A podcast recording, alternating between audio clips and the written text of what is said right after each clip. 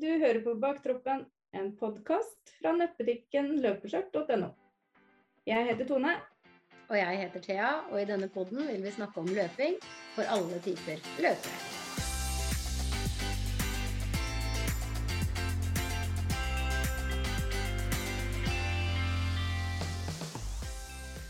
Velkommen til en ny podkast, folkens. Hei, Tone. Hei. Og i dag har vi med oss, ja, jeg vil jo kalle det både en venninne og en veldig god ultraløper. Lise. Hei, Lise. Hei, hei. Kan ikke du fortelle litt om deg sjøl til de som ikke kjenner deg, da? Ja. Eh, jeg er nordlending. Det er mange som blir overraska. Jeg har hørt på Instagram, for de tror at jeg er bæring. Bor i Bærum. Eh, men jeg er opprinnelig fra Nord-Norge. Nærmere bestemt Hamarøy. Det er en liten plass mellom eh, Bodø og Narvik. Eh, og er 51, gift, tre barn. Eh, og starta egentlig med løping litt sånn etter denne småbarnsperioden. Minste var fire, så derfor så har jeg veldig respekt for de som klarer å sprenge og stå midt i det der. Eh, og så er jeg utdanna journalist, men jobber som løpetrener og kanskje litt influencer. ja, ja. Det må man ha med, for du kaller deg maratonmamma på, på sosiale medier. Ja, jeg gjør det. Mm. Men hvor gammel var du da når du begynte? Du sa når du var minstemann, var det det? Var fire? Ja, jeg har uh, løpt litt over ti år. Jeg er litt usikker på når jeg skal liksom, på en måte regne at jeg starta. Da. For det er jo litt det der Når er du en løper? Ja. Eh, I starten så følte jeg meg jo overhodet ikke som det.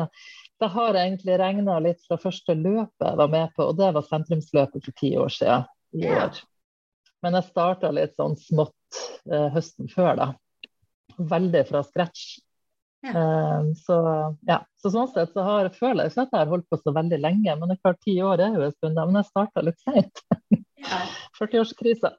Men begynte du, altså da begynte du ikke på Du løper jo langt, og du løper jo lenger enn langt. Du løper lenger enn mange jeg kjenner. Men, eh, men hva begynte du med, liksom? Når du først fant ut at nå skal jeg ta og snøre på meg skoa. Og så det var ikke, Du gikk ikke rett ut og løp 50 km, liksom? Nei, jeg følte jo at det gikk veldig fort. Altså, progresjonen gikk veldig raskt sånn i forhold til lengde, da. Mm. Eh, men jeg har egentlig alltid vært aktiv. Jeg drev mye med idrett når jeg var yngre, altså sånn i ungdommen, barndommen, men på, på lavt nivå. Men uh, jeg har liksom drevet med turn og dans og svømming og volleyball og fotball og alt sånn opp gjennom oppveksten. da.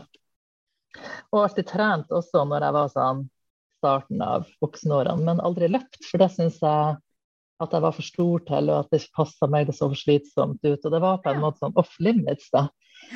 Eh, Men, men jeg gikk på veldig sånn, tøff aerobics-timer og hoppa og spratt og svetten rant, og da følte jeg liksom Hvis jeg fikk tatt meg skikkelig ut. Så det har jeg alltid likt.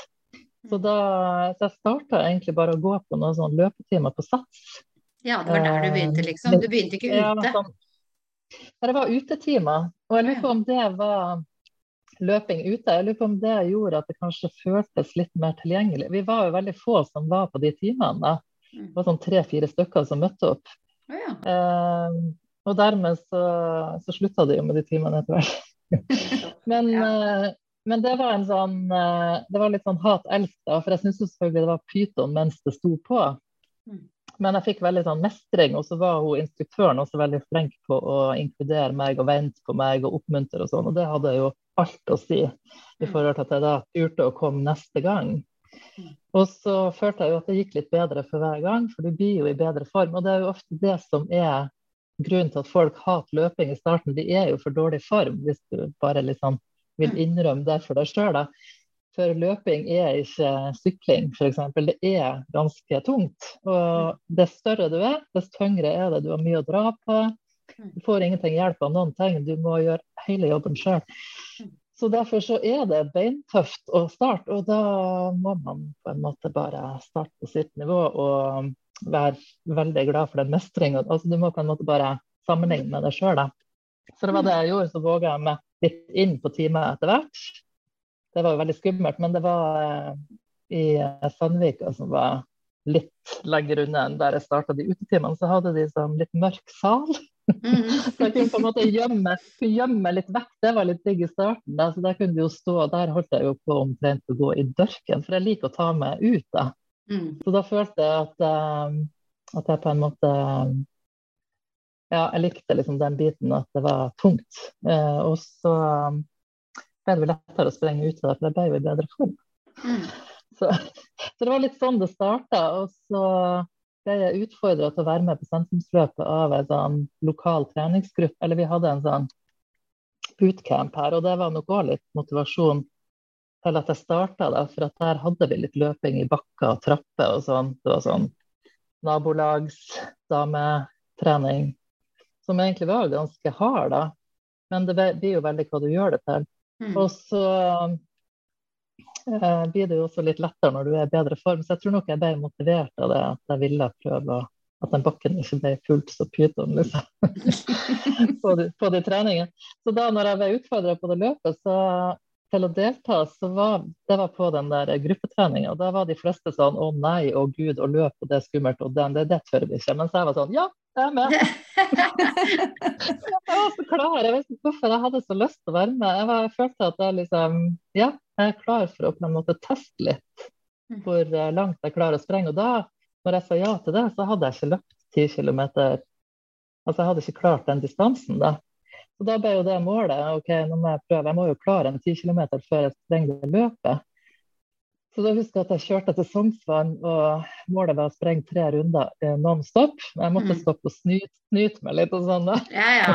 Det, sånn, og hoste litt og sånn. Jeg har litt sånn uh, astma-allergi. eh, litt sånn, eh, var vel litt den tida, tida for det, da. Men da var det sånn eh, Det var bare en sånn kjapp, kjapp, kort. Og så i praksis sprang jeg liksom i ett. da. Og da var det bare sånn Yes, nå er jeg klar. Da, Mm. Nå kan det løpet komme. Klarer ti 10 km. mm. Eh, ja, så um, på det løpet så så har jeg, da sprang jeg faktisk raskere enn jeg har gjort de to gangene etterpå. Jeg har vært, Nei, vært med. er det sant? Jeg tror egentlig det gikk veldig greit, for at jeg var jo egentlig ikke så Altså jeg følte jo kanskje at jeg ikke pusha så mye heller, for at det er jo en ting du lærer deg litt etter hvert. I Mm. starten holder du litt igjen. Så jeg hadde nok eh, litt å gå på, men jeg var veldig sånn overvelda av, av eh, det å være på løp. Det Mm. var litt sånn wow, her var det mye folk. og Ja, for du syns det var gøy allerede der, liksom? Du, synes, du tenkte bare ja, å, det var- dette Jeg syns det var gøy, for det var på en måte det der fellesskapet og at vi alle gjorde det samme. og Ja, det ble litt sånn gira på det, da. Så da, når vi kom i mål, det var liksom faktisk idet vi kom i mål, så ringte vi til hun Vi var tre stykker som sprang. Eh, ikke, altså, samme dag, men ikke sammen, da. De to andre var jo selvfølgelig mye raskere enn meg. eh, og så ringte vi til hun som hadde utfordra oss, hun som trente oss på den der gruppa. Og så sier hun å, superbra, da er du klar for halvmaraton, eh, Oslo Maraton i september. Og jeg bare yes! og, de, og de andre eh, vi får se på det. Men. Men da gikk du på. Du tok halvmaraton i september samme året? Ja, da tok jeg halvmaraton i september. Og ja. så, når jeg da hadde løpt det, så var det ei eh, løpevenninne, Monique, som jeg fortsatt spre- sprenger med, med innimellom. Uh, hun hadde hørt om et løp som heter Ribbemaraton fra Ja. Sandvik til Sti. Som jo er et maraton, men akkurat det året der var det faktisk et ultra. For at han som arrangerte, han er ultraløper, og han hadde lagt inn ei sløyfe via Bygdøy. Så vi skulle få ultra. og da når hun var litt sånn Skal vi ta det, vi kan sprenge i baktroppen. Og det heter faktisk baktroppen det, på det løpet, da. Ja. Eh, så eh, For da er det i praksis lov å bruke den tida du bruker, da. Altså det tar den tida det tar. ja. Så da var det litt sånn Først så tenkte jeg å herregud, det er jeg klar for det. Det kom jo veldig brått på, liksom. Jeg har jo akkurat starta med det her, men så var det litt sånn shit, da vi prøver. Hvor gærent kan det gå, liksom. Da hadde ingen av oss løpt lenger enn halvmaraton Nei. før vi starta på det. Og, så, og da var det sånn at vi sprang Det er fortsatt sånn på det løpet at det er en baktroppgeneral. Jeg hadde jo for øvrig den jobben sjøl i, i fjor på, på tilsvarende løp andre veien. Da. Eh, og da er det sånn at, at eh, baktroppen sprenger ikke raskere enn typ svakeste ledd. Da. Nei, sistemann, liksom. Ja, og det er ikke noe stress, det er liksom mm. kosetur. Så den turen der gikk såpass greit, da. For det var liksom noen andre på gruppa som sleit mer, og da tenkte jeg bare at det her tror jeg kanskje er litt min greie, da. Mm. Å sprenge lang, langt og seigt. Så da, var jeg litt sånn i gang. Men hvor lang tid bruker man da på en måte på, på et ribbemaraton? Som du sier, man kan bruke så lang tid man vil, da. Hvis du Ja, det er veldig forskjellig fra hvem, hvem som er i baktroppen. Mm. Um, for at det året der vi sprang, da var vi tre stykker. Det var jeg og to andre damer. Så vi sprang liksom i lag, da. Mm. Uh, og vi brukte jo faktisk kortere tid enn jeg har brukt etterpå. Så det, vi, det tok ikke så lang tid. Vi var ikke så treige liksom, det året der. Uh, så det er veldig forskjellig. Så noen ganger så kan det jo ta lengre tid. Men jeg tror nok Jeg har jo stort sett brukt imellom seks og en halv og sju og en halv stort sett på det løpet der. Ja. Og så tror jeg det har vært ja, det er vel noen som kanskje har brukt litt mer tid og sånn åtte-ni, kanskje. Tror jeg. Åtte kanskje er litt maks. Men ribbemaratonet, det er da Hvor mange kilometer blir det da? Da er det Det året der var det 44, men mm. vanligvis er det jo 42. Det er liksom en maratondistanse, men det er jo fort gjort å sprenge litt feil. Og liksom, ja, de fleste får litt Ja, for det er det det er. Ja, selvfølgelig. Det er jo ja. ribbemaraton. Ja. Så var det bare det ene året ja. det var ultra. Ja. Ja, eller muligens de første årene. For det var Geir Frykholm som var butikksjef på løpelabbet i Sandvika. Han, han som starta det løpet. Han er en sånn ikonisk ultraløper. Så, oh, ja. Ja. så derfor jeg tror det var litt sånn ultratanke i starten, da. Ja. Så det var litt, eh, da følte jeg at jeg var litt i gang og hadde fått litt sånn kontakt med ultramiljøet da, gjennom han og sånn. Så da, ja da var ballen litt i gang, da. ja, ja. ja, det er jo ganske spesielt, for da har det jo, som du sier, gått ganske fort. Ja, det har det. Og de to andre jeg sprang med, de er jo ikke der i det hele tatt. Nei, nettopp. Eh, for at hun, hun, ene var litt sånn Nei, det er ikke helt min greie. Og uh, tredje, hun eh, har egentlig vært mye plaga med skader. Og har vel landa på at hun egentlig ikke kan drive sin løping. Så, mm. så det, var liksom, det, var liksom, meg, da, som uh, ble verva på den turen der.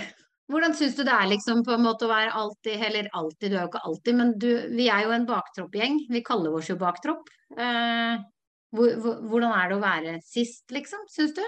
Eller ikke sist, men i baktroppen. Ja. Man er så redd for å si noe feil, skjønner dere hva jeg mener? ja, ja. Og det er jo et litt sånn Jeg har jo et, på en måte et litt sånn ambivalent forhold til det, da. Det må jeg jo innrømme. Mm. Um, for at jeg tror vi alle har lyst til å bli raskere. Det er jo på en måte en sånn det ligger jo en sånn progresjon i det. Eller det er jo ofte det det måles i, da, at du er blitt bedre løper, mm. det at du er blitt raskere. Men så har jo jeg vært å fokusere på at, at jeg, er ikke så opptatt av å bli raskere, men jeg er opptatt av å klare å sprenge lenger. Mm. Så Det har jo hele tida vært mitt fokus. Men så er det jo det at det er også en fordel å være raskere om du skal sprenge lengre, for da tar du så himla lang tid. Mm. Det tar veldig veldig lang tid å være en treig ultraløper, for at du kommer jo aldri i mål. Du bruker jo vinter og vår. Så, og, det kan man jo, og det er jo slitsomt i seg sjøl. For det, ofte så blir det jo sagt liksom, at de som er ute lengst, det er jo de som har det. Altså, det er jo på en måte mest slitsomt. For at du jobber jo lenger, og kanskje spesielt på ultraløp. for at det er jo eh, det tærer jo veldig på kroppen, da. Sånn at dermed så har jeg tenkt at gud, det hadde vært deilig å komme i mål litt før. Mm. Ja, men det er jo naturlig, men, det. Eh, ja, det er jo det. Så dermed mm. så har man jo lyst til å bli raskere. Men så, men så har jeg jo på en måte mer motivasjon i Jeg syns jo det er mer motiverende å klare lengre distanser enn at jeg f.eks. perser på 10 km. Klarer ikke ja. å finne motivasjon i det. Så under ti Altså hvis du skulle valgt da, mellom å ta under timen på mila, liksom, og løpe fem mil rask Altså hva hadde du, du vil heller klare lengre distanser, liksom, enn å perse på tieren? Ja. ja, og det er jo litt sånn jeg trener også, for jeg trener jo egentlig veldig Altså jeg sprenger jo intervaller eh, naturlig en gang i uka for at jeg har løpegruppe, da, men eh, mm. Men jeg trener jo på en måte ikke på fart eh, bevisst, sånn at jeg kan jo heller ikke forvente å få så mye resultater på det. Mm. Eh, så det vil jo si at, at, det som jeg får av resultater på fart, eventuelt kommer jo mer av at jeg har mengde. Mm. Mm. Som kanskje blir en sånn naturlig Dess mer du sprenger, dess sterkere blir du, på en Mm. måte. Men eh, ja, så det har liksom bare vært litt min Jeg har bare funnet ut at min greie er litt å være litt sånn treig og seig, som jeg bruker å si. Ja, ja.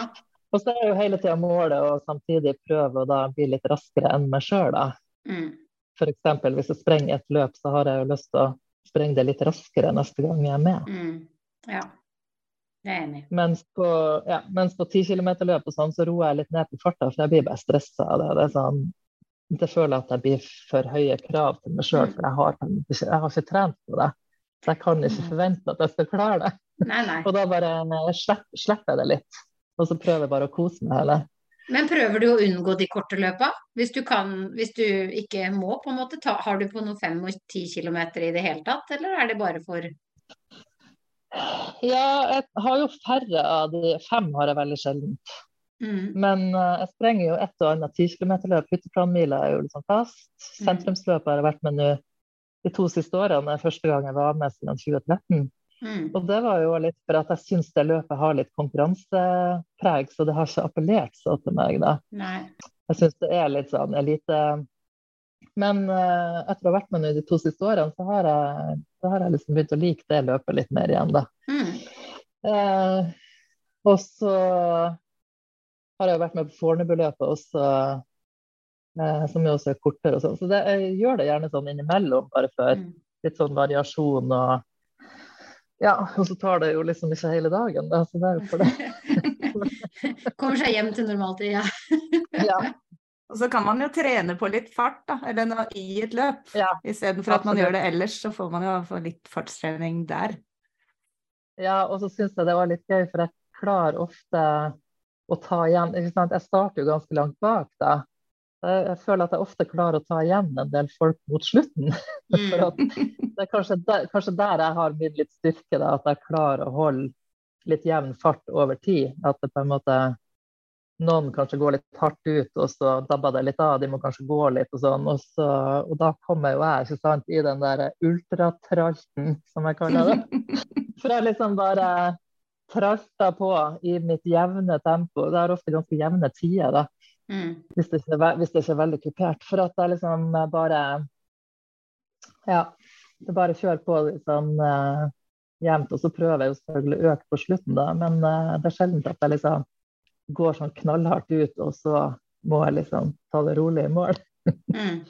Så, der, så derfor så kan jeg få litt Det kan være litt opptur også å være på kortet, for at jeg kan føle meg litt sånn uh, sterk. Om det ikke går så fort, så kan jeg liksom ta igjen og sånn. Så det, Mm. det kan være litt gøy, da. Nedoverbakker og sånn. Mm. Mm. Ja, men alt man kan ta med seg når det er et løp. Det er jo flere rygger man plukker, jo bedre er det. Ja, Det, er, jo- det er jo hyggelig å ikke komme sist. Ja, det er det. Ja, og det er, jo, det er jo sånn i forhold til baktroppen, så har jeg jo vært sist ganske mange ganger. Og så, så er det noe med at hvis du har vært det en del ganger, så er det litt deilig at du av og til ikke er det også. Mm. Så, det, Mm. så ofte så det er mange ganger at, at målet mitt er å ikke bli sist. Så det er sånn der Yes, jeg har tre stykker bak meg! Ja. Samme her. Men har du hatt noen sånn skikkelig kjipe opplevelser med å være sist?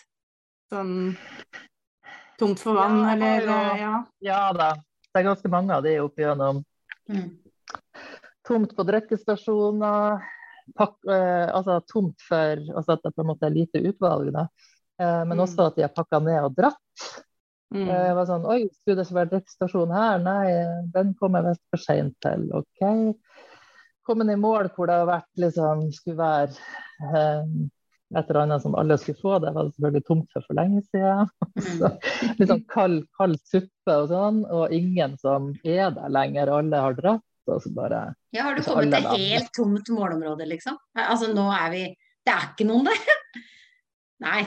Ja, ikke helt, ikke helt tomt, men ikke langt unna. Ja. Så det har vært litt sånn eh, Jeg har ikke lyst til å henge ut eh, Nei, noen løpsarrangører, for de gjør sikkert så godt de kan, og de lærer jo Ja. de. Og jeg har jo hørt, har jo hørt også på, på i hvert fall ett av løpene at det har blitt mye bedre. da. Mm. Eh, men,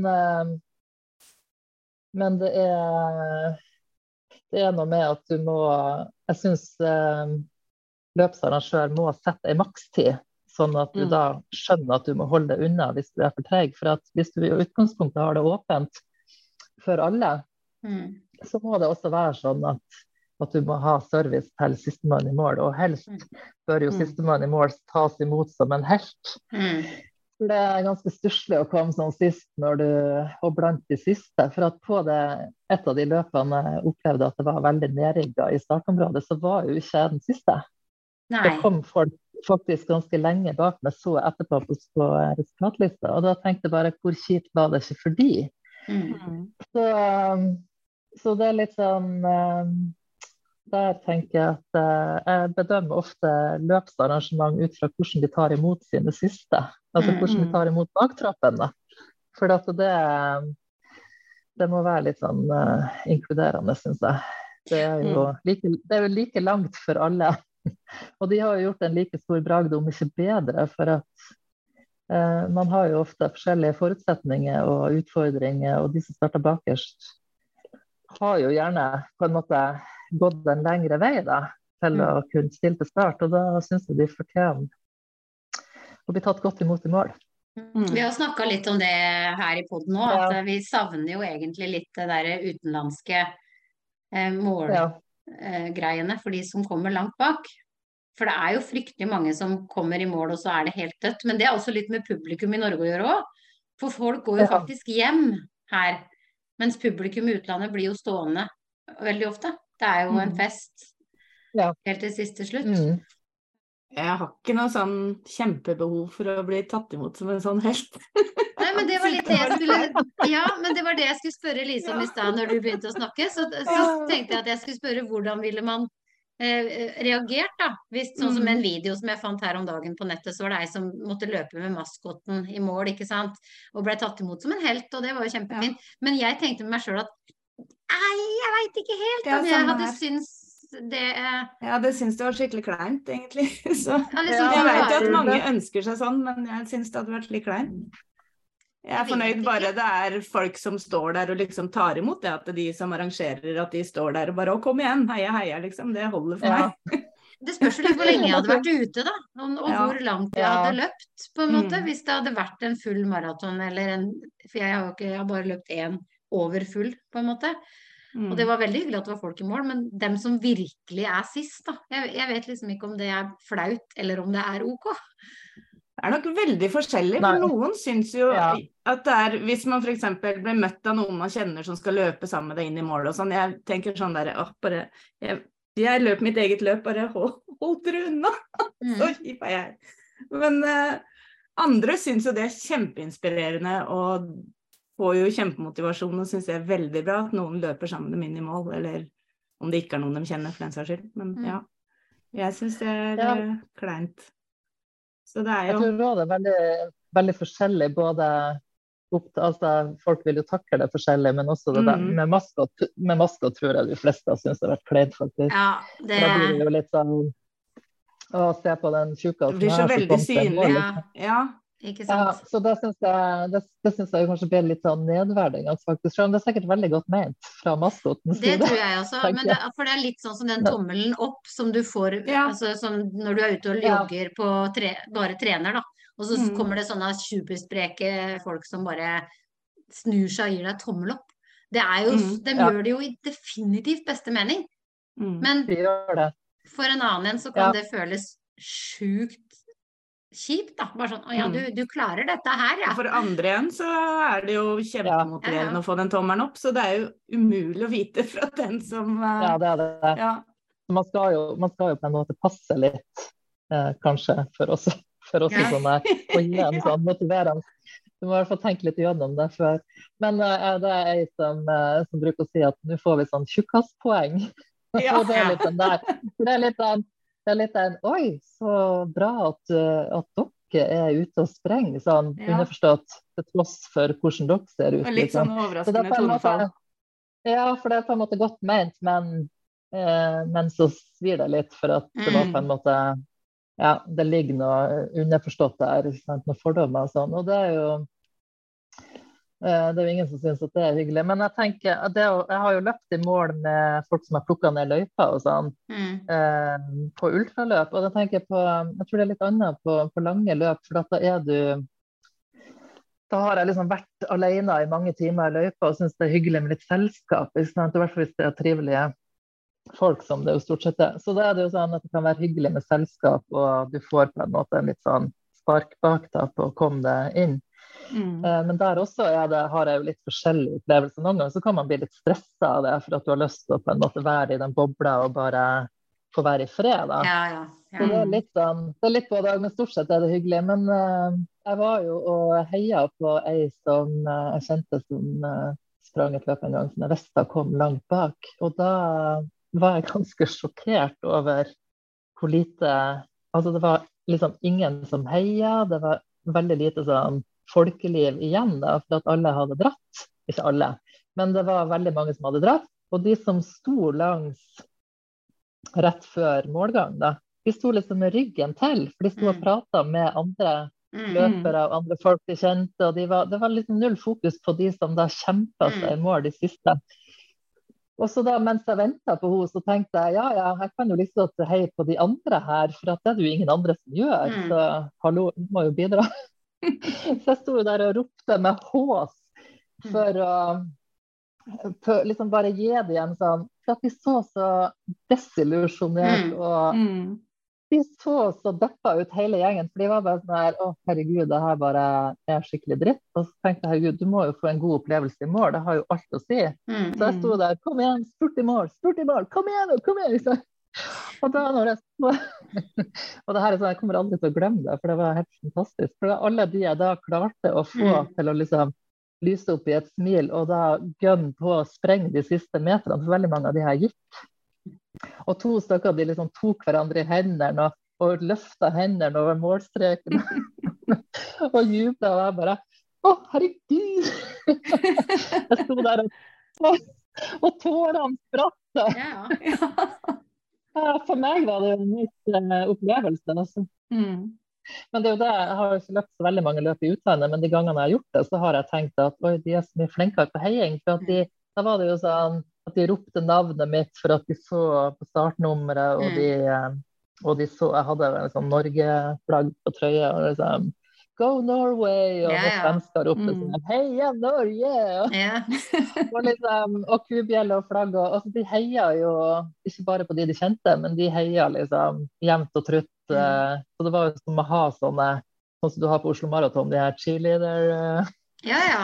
og, og Garmin-svengen og sånn. Det var jo på en måte sånn hele løypa, for at det sto eh, i hvert fall sånn 80 og så sto det jo liksom folk og heia, og folk som satt på utekafé, det var sånn her sant? Ja, ja. Når du Mm. Skål. og det er jo, ja, og det er jo egentlig Det koster jo egentlig så lite å bare Jeg tenker for de som da er i et målområde, hvis de på en måte var De er der jo ene og alene for å vente på at disse skal komme i mål. Det er jo eneste grunn til at de Ja. er der. Så Men så går det an å vente litt. Men så vet jeg jo samtidig at jeg gjør det jo faktisk sjøl, som hvis jeg har løpt. Sånn at man blir jo kald, og du må på et tidspunkt reise hjem, da. Men, eh, men jeg prøver ofte å, å henge der litt og hei altså, på de som jeg vet trenger det, eller at eventuelt hvis jeg går mot løypa, at jeg treffer noen. Så heier jeg, liksom. Sjøl om jeg ikke aner hvem de er. Og jeg ser jo, på Oslo Maraton så, så gikk jeg jo tilbake sånn at jeg heia litt på de som kom langs Aker Brygge. da. Og, det, og folk skvetter jo, vet du. Ja, Det sånn, Hæ? Hvem er, kjente jeg deg, liksom? Ja. Ja. Hvorfor, hvorfor heier hun på meg? Og så ble de så overraska. Men så smiler jo alle. Jeg tror alle setter pris på det, for alle trenger det jo. Ja, ja. Mm. Så, ja, så det kunne jeg ønske at det var litt eh, Jeg kunne ønske at det var litt mer sånn fokus på å ta alle godt i mål, om du ikke da kjører maskoten inn. Så, Nei, nei. at, for at målet må jo være jeg tenker at For en arrangør så er jo målet at alle skal ha en god opplevelse, og at alle har lyst til å komme tilbake. Og hvis det føles sånn inkluderende, så vil jo de få flere påmeldte Mm. som på en måte tør å ta det steget. Og så må jo alle starte en plass. De som er baktroppen da nå, de er jo kanskje et par hakk frem om et par år. Og så får vi noen nye inn i baktroppen. Så får vi liksom rekruttering, da. Hvis det blir så, så skummelt og så eliteprega, så er det jo ingen som tør å stille på løp.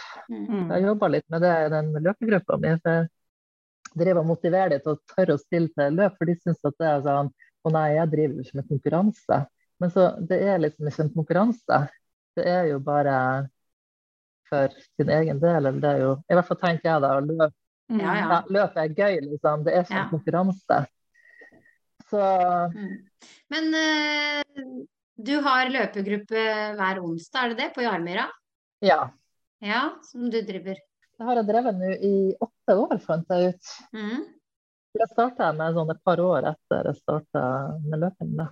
Ja, og den går hele året rundt, det er ikke bare sesongbetont, eller? Nei, vi er veldig stolte av at vi sprenger ute på vinteren i ja. slags vær. Det skal dere være. Og så, ja, og så ser vi nå på Jarmyra, da, det er jo et annet uh, fotball-løkkeparkområde, da.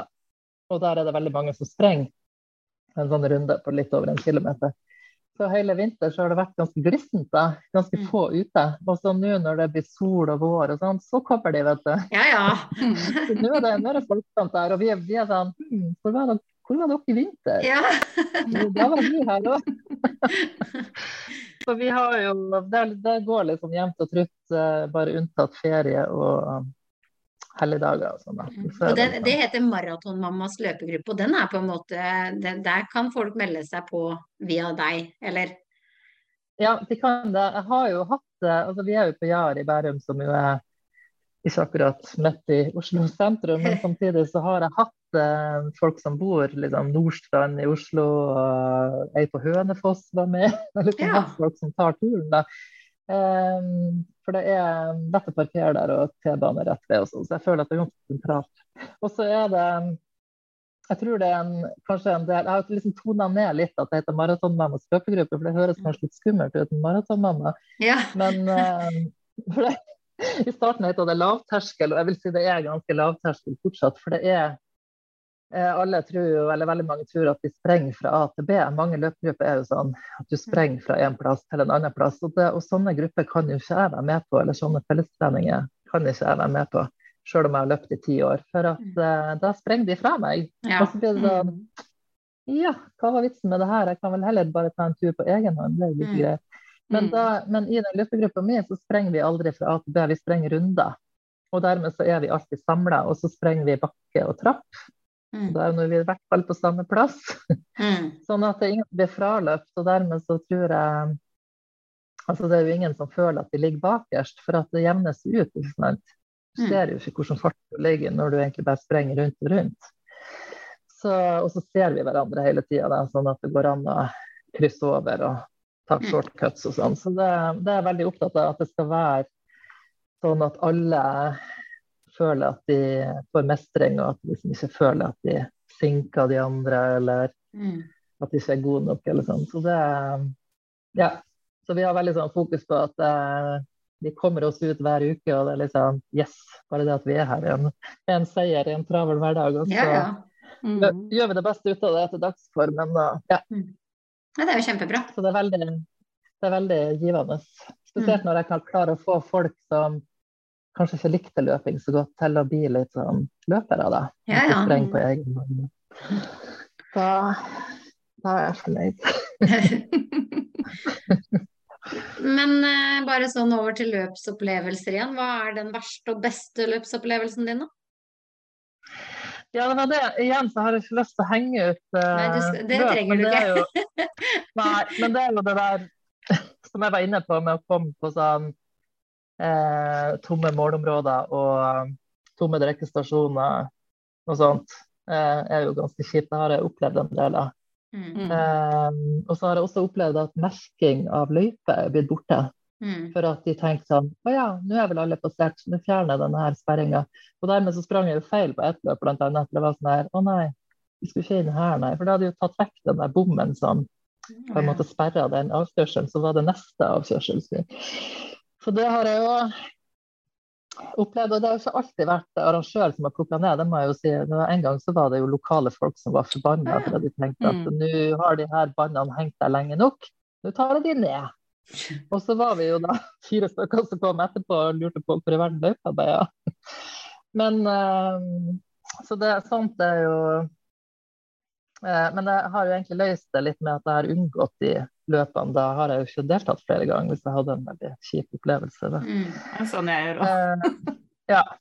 Så da, og det er jo på en måte eh, Og noen ganger så kan man jo høre at det blir bedre, og da kan man jo vurdere det, ja. Ja.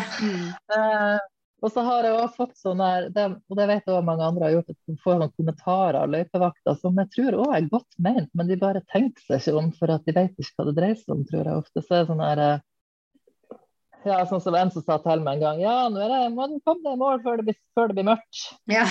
Mm. Kjempenødvendig. Så det sånn Ja, takk skal du ha. Og da var det jo liksom én kilometer til mål, da. Så det var litt sånn eh, Ja, det tror jeg skal gå fint. Og så, mens, og så ble, jeg, ble jeg så irritert, og så mens jeg sprenger, så tenker jeg på alt jeg skulle ha sagt tilbake. Ja, ja, ja. Men jeg var jo opptatt med å sprenge et løp, så det fikk jeg jo fikk jeg ta inni meg. Det.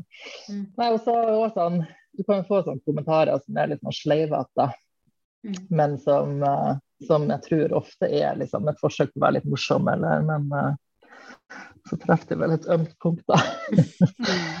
Mm. Men eh, de aller fleste er jo veldig Det er vel ofte veldig bra folk på drikkestasjonene, altså for all del. Ja, det er ja. frivillige folk som stiller, stiller opp og sånn, så man skal være forsiktig med å kritisere dem. ja da. Eh, men, best, men beste, absolutt beste, og det er ingen som slår det på akkurat det, vil jeg påstå, er jo eh, KRS Ultra. I Kristiansand, Kristiansand løpeklubb, altså. Mhm. Der, der var jeg absolutt sist. Første året de arrangerte det, er et 60 km terrengløp som er tror jeg, det tøffeste løpet jeg har vært med på sånn i terrenget. Ble overraskende kupert og teknisk over Kristiansand by. Hvem skulle trodd? Ja. Det trodde, det trodde i hvert fall ikke jeg før jeg reiste dit, så jeg undervurderte veldig det terrenget. Og da eh, når jeg kom sist i mål, så hørte jeg Det er sånn at du sprenger liksom rundt eh, liksom, Ja, du ser målområdet sånn 400 meter før du er der, da. Og så hørte vi bare Da sprang jeg sammen med han som plukka ned merkinga. Så hører du bare sånn her We are the champions av Queen. Det bare ljoma, det ljoma over hele byen. Og, da, og jeg hadde jo brukt såpass lang tid at det var blitt kvelden. Ikke sant? Og så, for da, da sprang jeg Jeg tror jeg brukte 14 timer. Jeg tror det var noe sånt. For jeg sprang på, jeg sprang på 12 timer det året eller to år etterpå. Jeg husker og da var jeg sånn her oh, yes. Men jeg sprang en del feil. Det var første året de arrangerte, så det var en kombinasjon av litt dårlig merking som de har innrømt sjøl. Men akkurat der jeg sprang veldig mye feil, så var det jeg som overså merkinga. Jeg var litt fersk, rett og slett. Jeg skjønte ikke helt hvor jeg skulle. Um, men da når jeg ble, jeg ble tatt imot på det løpet der, så, altså både jeg og han der som sprang sammen med meg, vi, Mm. Vi ble jo så rørt. Han bare Å, nå begynner jeg å skrike. og det var, det var ikke sånn at jeg skrek. Altså, jeg er ikke sånn der eh, at jeg tuter på løp. Det har jeg liksom aldri gjort at jeg skriker i mål. Jeg, altså, jeg har, gjort, jeg har gjort det, men, eh, men eh, liksom én eller to ganger. Mm. Men, her, så- men jeg ble veldig rørt, da. Og det var, det var en utrolig fin opplevelse. For jeg følte at altså vanligvis, Jeg hadde jo følt hele veien at herregud, nå venter de på meg, og alt liksom står og venter til jeg kommer i mål. ikke sant? Hvis jeg var sist. Men så var det sånn hele veien, så på drikkestasjonen så sto det sånn her til maratonmamma, liksom her er det siste løpere. For at de visste at det var jeg som var ute i løypa, og så hadde de da rigga til at det sto det bananer og smoothie og sånn som var til oss. Oh, ja. sånn.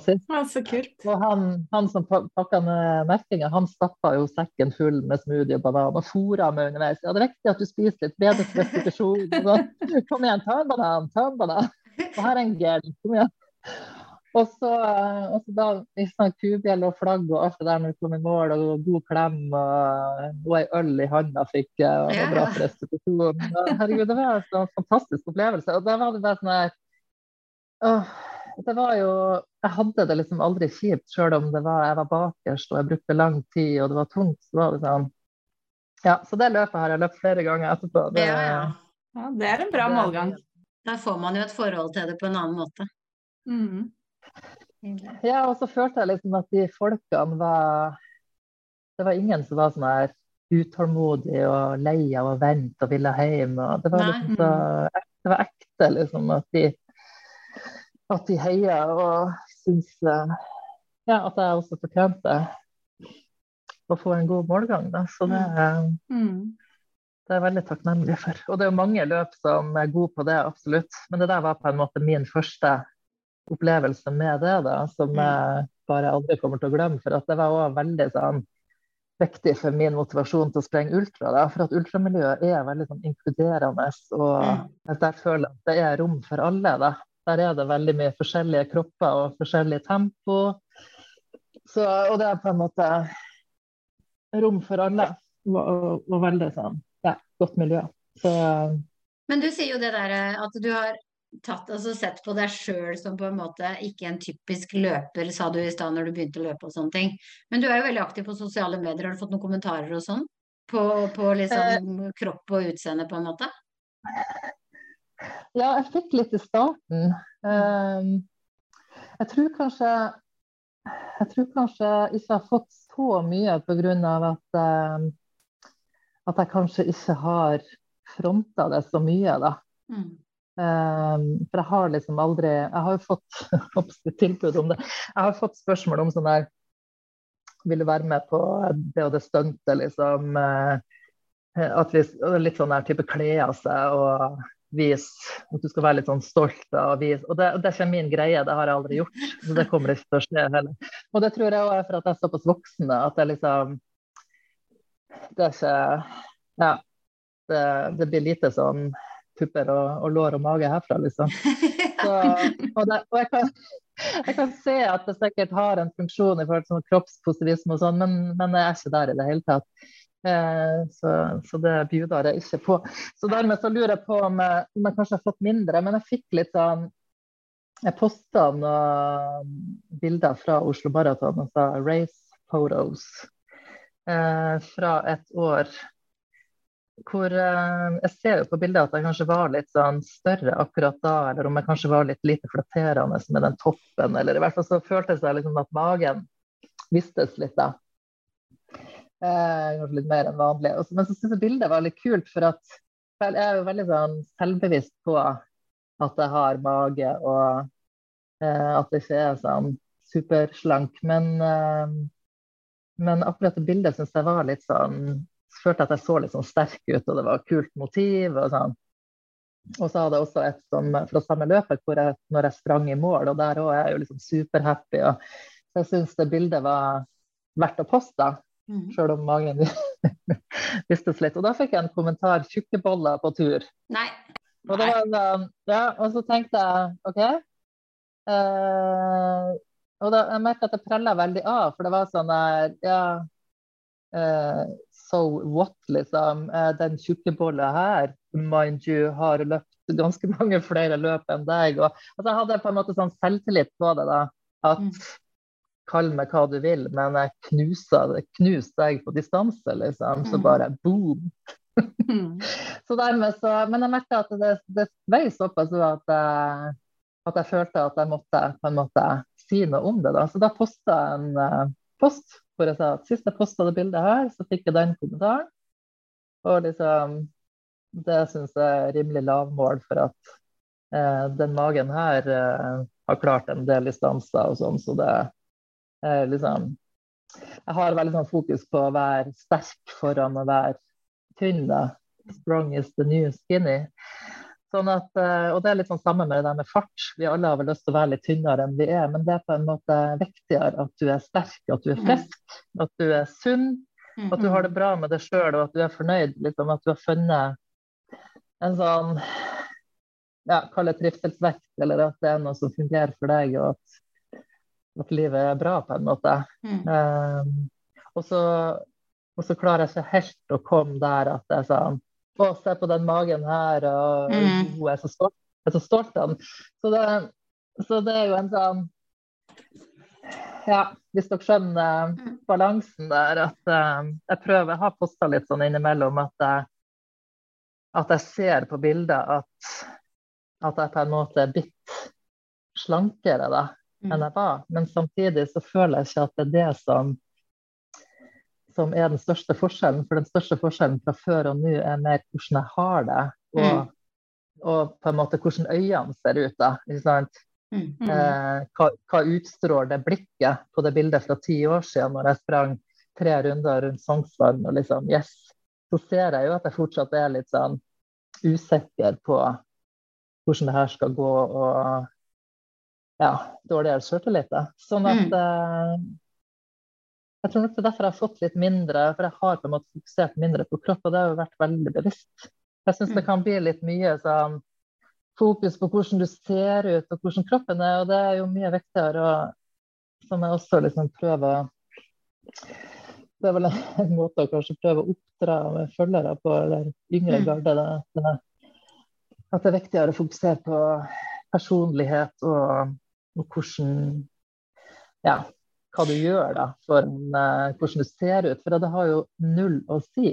Mm. Hvis du uh, ser dritbra ut, men så er du en skikkelig kjip person, så da, hva betyr det utseendet da, liksom? Mm. Men jeg er nok enig med deg, for jeg tror det at hvis, hvis man hadde, sånn som når jeg var større, eh, på en måte, før jeg tok slankeoperasjon og alt det der der, så la jo jeg aldri ut bilder som jeg sier, ah, selv om jeg er stor da, så løper jeg, eh, ikke sant? Jeg gjorde jo ikke aldri det, og jeg fikk jo Mhm. aldri kommentarer på at jeg var stor. Men hadde jeg derimot lagt ut bilder og sagt, ja, selv om jeg er stor, så løper jeg, så tror jeg nok kanskje jeg hadde fått mer kommentarer på det. Eller hvis jeg hadde valgt å løpe i kort topp og kort shorts, eh, når jeg da var 97 kilo, så tror jeg jeg hadde fått kommentarer på det. Eh, og sammen nå med, med den huden Ja. min og det, så er det sånn jeg gidder ikke å Jeg har jo mye løs hud, og jeg velger jo ikke løpe med klær for å synliggjøre det. Hvis dere skjønner hva jeg mener? For jeg Mm. tror det at man hadde fått Mm. mer kommentarer hvis jeg hadde sagt 'Å, se på min hud, her løper jeg', det vingler. Ja, Ikke sant? Mm. Så tror jeg kanskje jeg hadde fått mer kommentarer på det. du hadde sikkert fått sånn Å, det er så bra at du vil vise det, og at du skjemmes over det og sånn. Og så er det sånn det, ja. Det, det er godt ment, men samtidig så blir det på en måte et sånn kroppsfokus som er Ja. så Mm. unødvendig og egentlig ganske uinteressant, syns jeg, Mm. da. Samme her. For at uh, Ja, for det blir jo litt det der tjukkaspoeng som hun venninna mi sier. Så er det sånn Mm. til tross, til tross for og sånn, å, så bra. Og så, så tror jeg òg det er litt sånn her at du at du på en måte definerer deg sjøl også som altså Hvis du har for mye fokus på det, så definerer du deg sjøl som en tjukkasløper, eller Så hvorfor ikke heller liksom definere seg som en løper, punktum. Det er sånn, Du sprenger på lik linje med alle andre. Hvordan du ser ut, er på en måte irrelevant. For at Mm. Du sprenger ut fra dine forutsetninger. Folk har jo forskjellige kan jo være kjempetynne folk som har også sine utfordringer helsemessig, f.eks. Mm. Og så blir det litt sånn, men det er det jo ingen som ser. Så det, er, ja, det er så mye greier. Jeg syns i hvert fall den der eh, kroppspositivismen kan bli litt sånn Mm. Det kan på en måte bli litt for mye av det bare på den måten at det blir for mye fokus på kropp. Og så drar det på en måte bare med seg så mye greier da, at jeg liker å tone det litt ned. Det syns jeg er altfor Mm. mye av det. Ja, for jeg har lest om ei som var ei Jeg vet, veit om ei som er veldig, veldig, veldig veldig tynn. Og hun hadde fått kommentarer når hun var ute og løp på beinrangel og liksom Det går jo alle veier. Ja, ja. Det er liksom ikke noe ja det er jo mm. Jeg tror alle, alle sliter med, med et eller annet de har komplekser for. Jeg skjønner ikke hvorfor folk Hvorfor gjør folk det? Når de ser noen som er ute og løper så sånn Beinrangel? Hva er det det Mm. gir folk i å rope Nei. det til noen som er ute og løper? Det er liksom så Eller veldig kommentere det, eller Nei. Jeg, Ja. Kan man ikke bare la være å kommentere åssen andre ser ut? Det er veldig spesielt. Det er, det Ja. er jo ikke verre enn det. Det synes jeg, jeg syns det er en veldig fin regel også når du har lyst til å si noe positivt om hvordan folk ser ut. Og nå tenker jeg vekt og kropp og sånn. Det er jo Mm. greit å si at du er fin på håret og så fin sminka du var og, Mm. og den kjolen Mm. var fin og sånn. Det er jo hyggelig. Men å si f.eks. Å, så bra at du har gått ned. Jeg ser jo at du har gått ned og du ser så bra ut. Mm. Og det er Mm. sånn uh... Eller så fin du har blitt. Ja, så fin du er nå! ja. ja. er underforstått at du var så stygg før, liksom. Ja. Og det er, sånn, det er veldig godt ment, men det er ikke egentlig en hyggelig ting å si. For at du, man defineres ikke ut fra hvordan man ser ut. Altså Mm. hvordan kroppen din ser ut. Så det er litt sånn uh, du, Kan du ikke heller si noe hyggelig om hvordan jeg er som Altså at jeg liker deg, du er grei, du er hyggelig, sant? eller Mm. Fin kjole eller noe sånt. Men, men ikke akkurat kommentere at den magen min har blitt mindre. Eller noe sånt, da. For at, mm. da blir jeg så veldig obs på den magen, og så blir det sånn eh, Kan vi ikke ta litt fokus vekk fra den, på en måte? For at Mm. eh, da tror jeg vi alle får det litt bedre. Det er bare Så er det jo som regel litt inni sitt eget hode òg, da. Det, liksom, det var jo derfor jeg spurte nå, fordi du Ja, tar det opp det. selv. Ikke sant? Jeg tror ikke dere tenker over Ja. når jeg kommer løpende at oi, Thea sine lår, de disser noe jæklig. Jeg tror ikke dere tenker det. jeg har aldri tenkt over det. Jeg bare syns at du er en uh, liten, helt uh, normal person. holdt jeg på å si. Ikke noe store, ikke noe noen ting. vi Og så snakker du om løshud, liksom. Jeg bare har aldri sett det. Nei, og det tror jeg òg er sånn folk, tror- Jeg tror folk tror at andre tenker mye mer Mm. og ser mye mer og på veldig mange ting. Sånn både ja, tida på Strava og, Mm. og hvordan du ser ut og sånn. Så det, for folk har jo ofte mer enn nok med seg sjøl, så, Mm. så jeg tror sånn sett så skal man jo bare liksom slippe det der litt.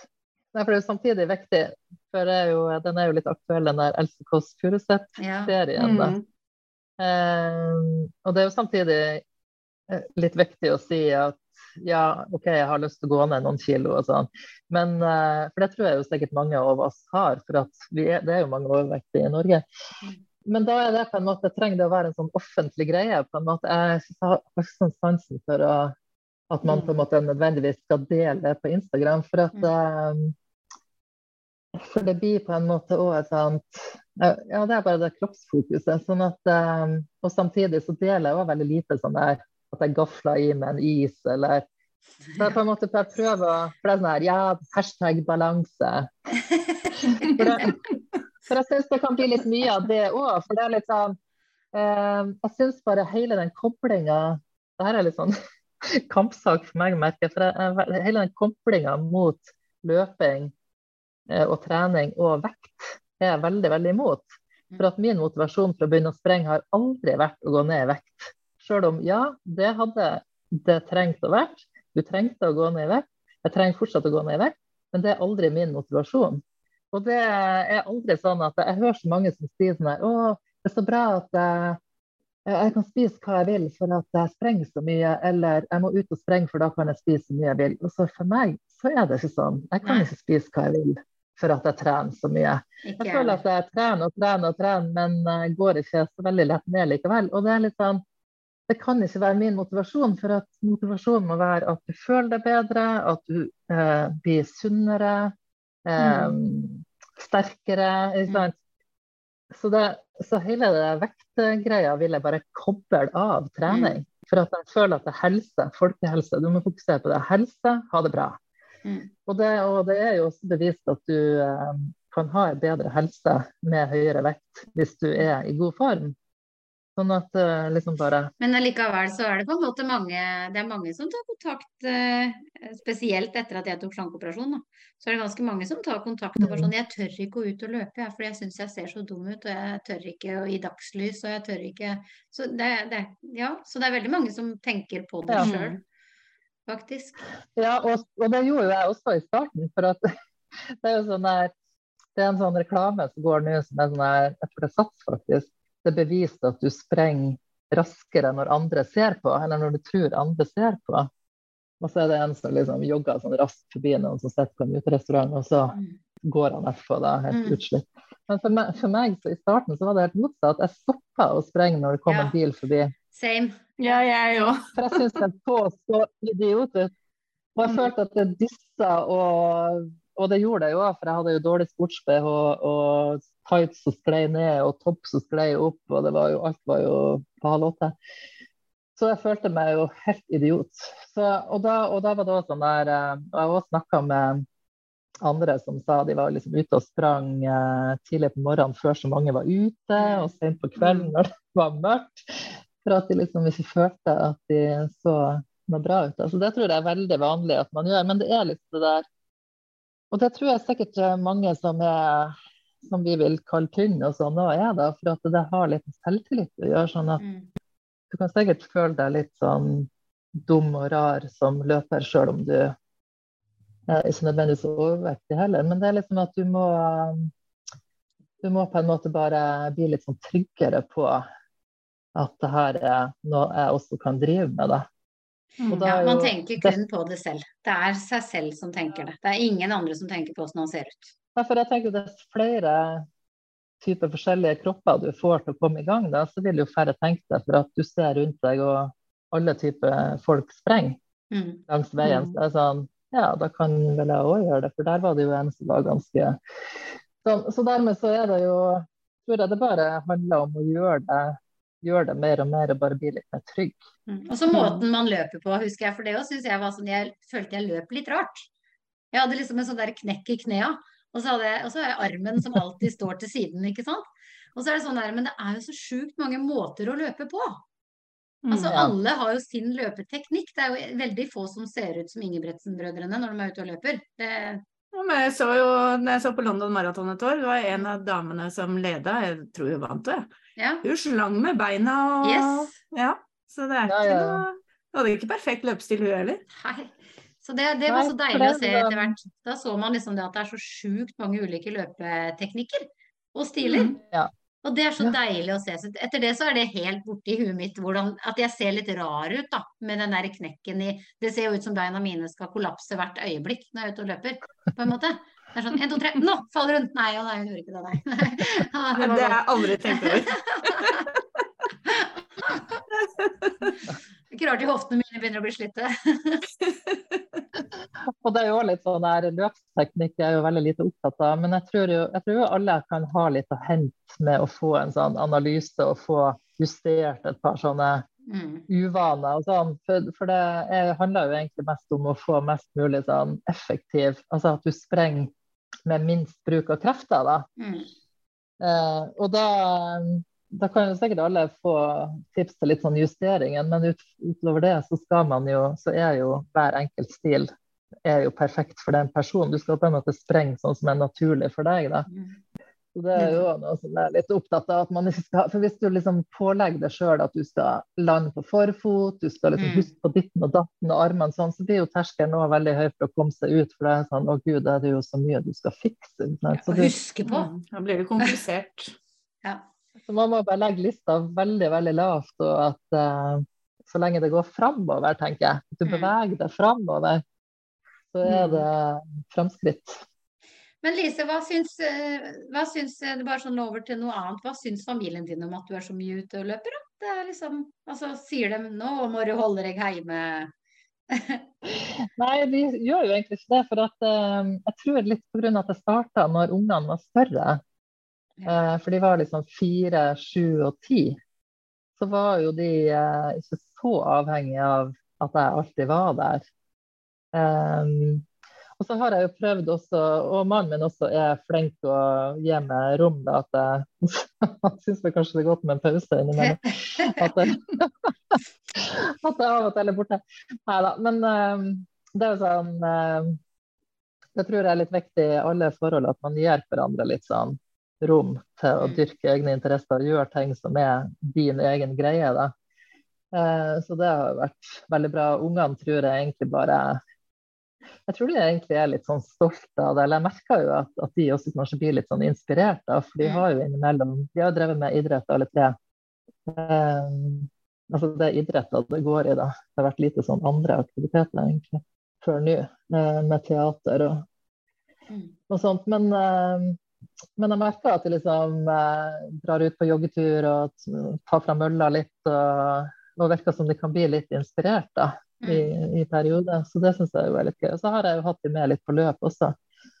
Um, Oslos der har jeg tatt med alle tre, og eldstemann var med på Fornebuløpet en gang i tida. Og Ivar Formos minneløp har han vært med på. Mm. Så ja, det gikk en stund, nå er det stopp med det. Men eh, det, de har vært veldig positive. Og så har jeg også prøvd å sprenge turer, f.eks. Eh, når de var på trening, da. Mm. Før så når du kjørte de til trening, så var jeg sjelden sånn at jeg sto på sidelinja og skravla med de andre foreldrene. Da, sprang jeg med gjerne en tur mens de var på trening, og så henta jeg de etterpå. Så da hadde jeg jo jeg på en måte fått unnagjort den løpeturen da. Og da har jeg jo fått litt sånn kommentarer et par ganger sånn 'Å, du skulle ha vært her når dattera di scora', eller 'du skulle ha vært her når sønnen din sånn. Så jeg sånn Ja, OK, det var en trening, eller det var en turnering. Én av 200, liksom. Så jeg tror de overlever.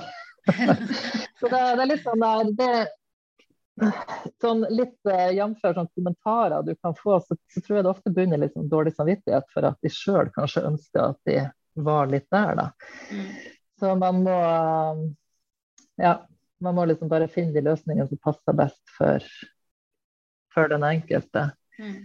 Så ja, for meg så har det vært litt sånn viktig også å vise de at jeg er, at jeg er aktiv, sånn at de i stedet for å stå og se på de, så har jeg trent sjøl. Og så ser jeg jo på innimellom, selvfølgelig, når det har vært kamper og sånn, så har jeg prioritert det for trening. Og medaljene dine, da? Hvor gjør du av de? Er du glad i medaljer? Ja, det var det. Ikke like glad som deg, jeg. jeg. jeg tror jeg er sjuk, jeg, når det kommer til det. det... Ah, det er litt sånn, Er det medalje i løpet? Nei, da kan det være det samme. jeg lurer på hvor mange meldinger jeg har sendt til deg oppover åra.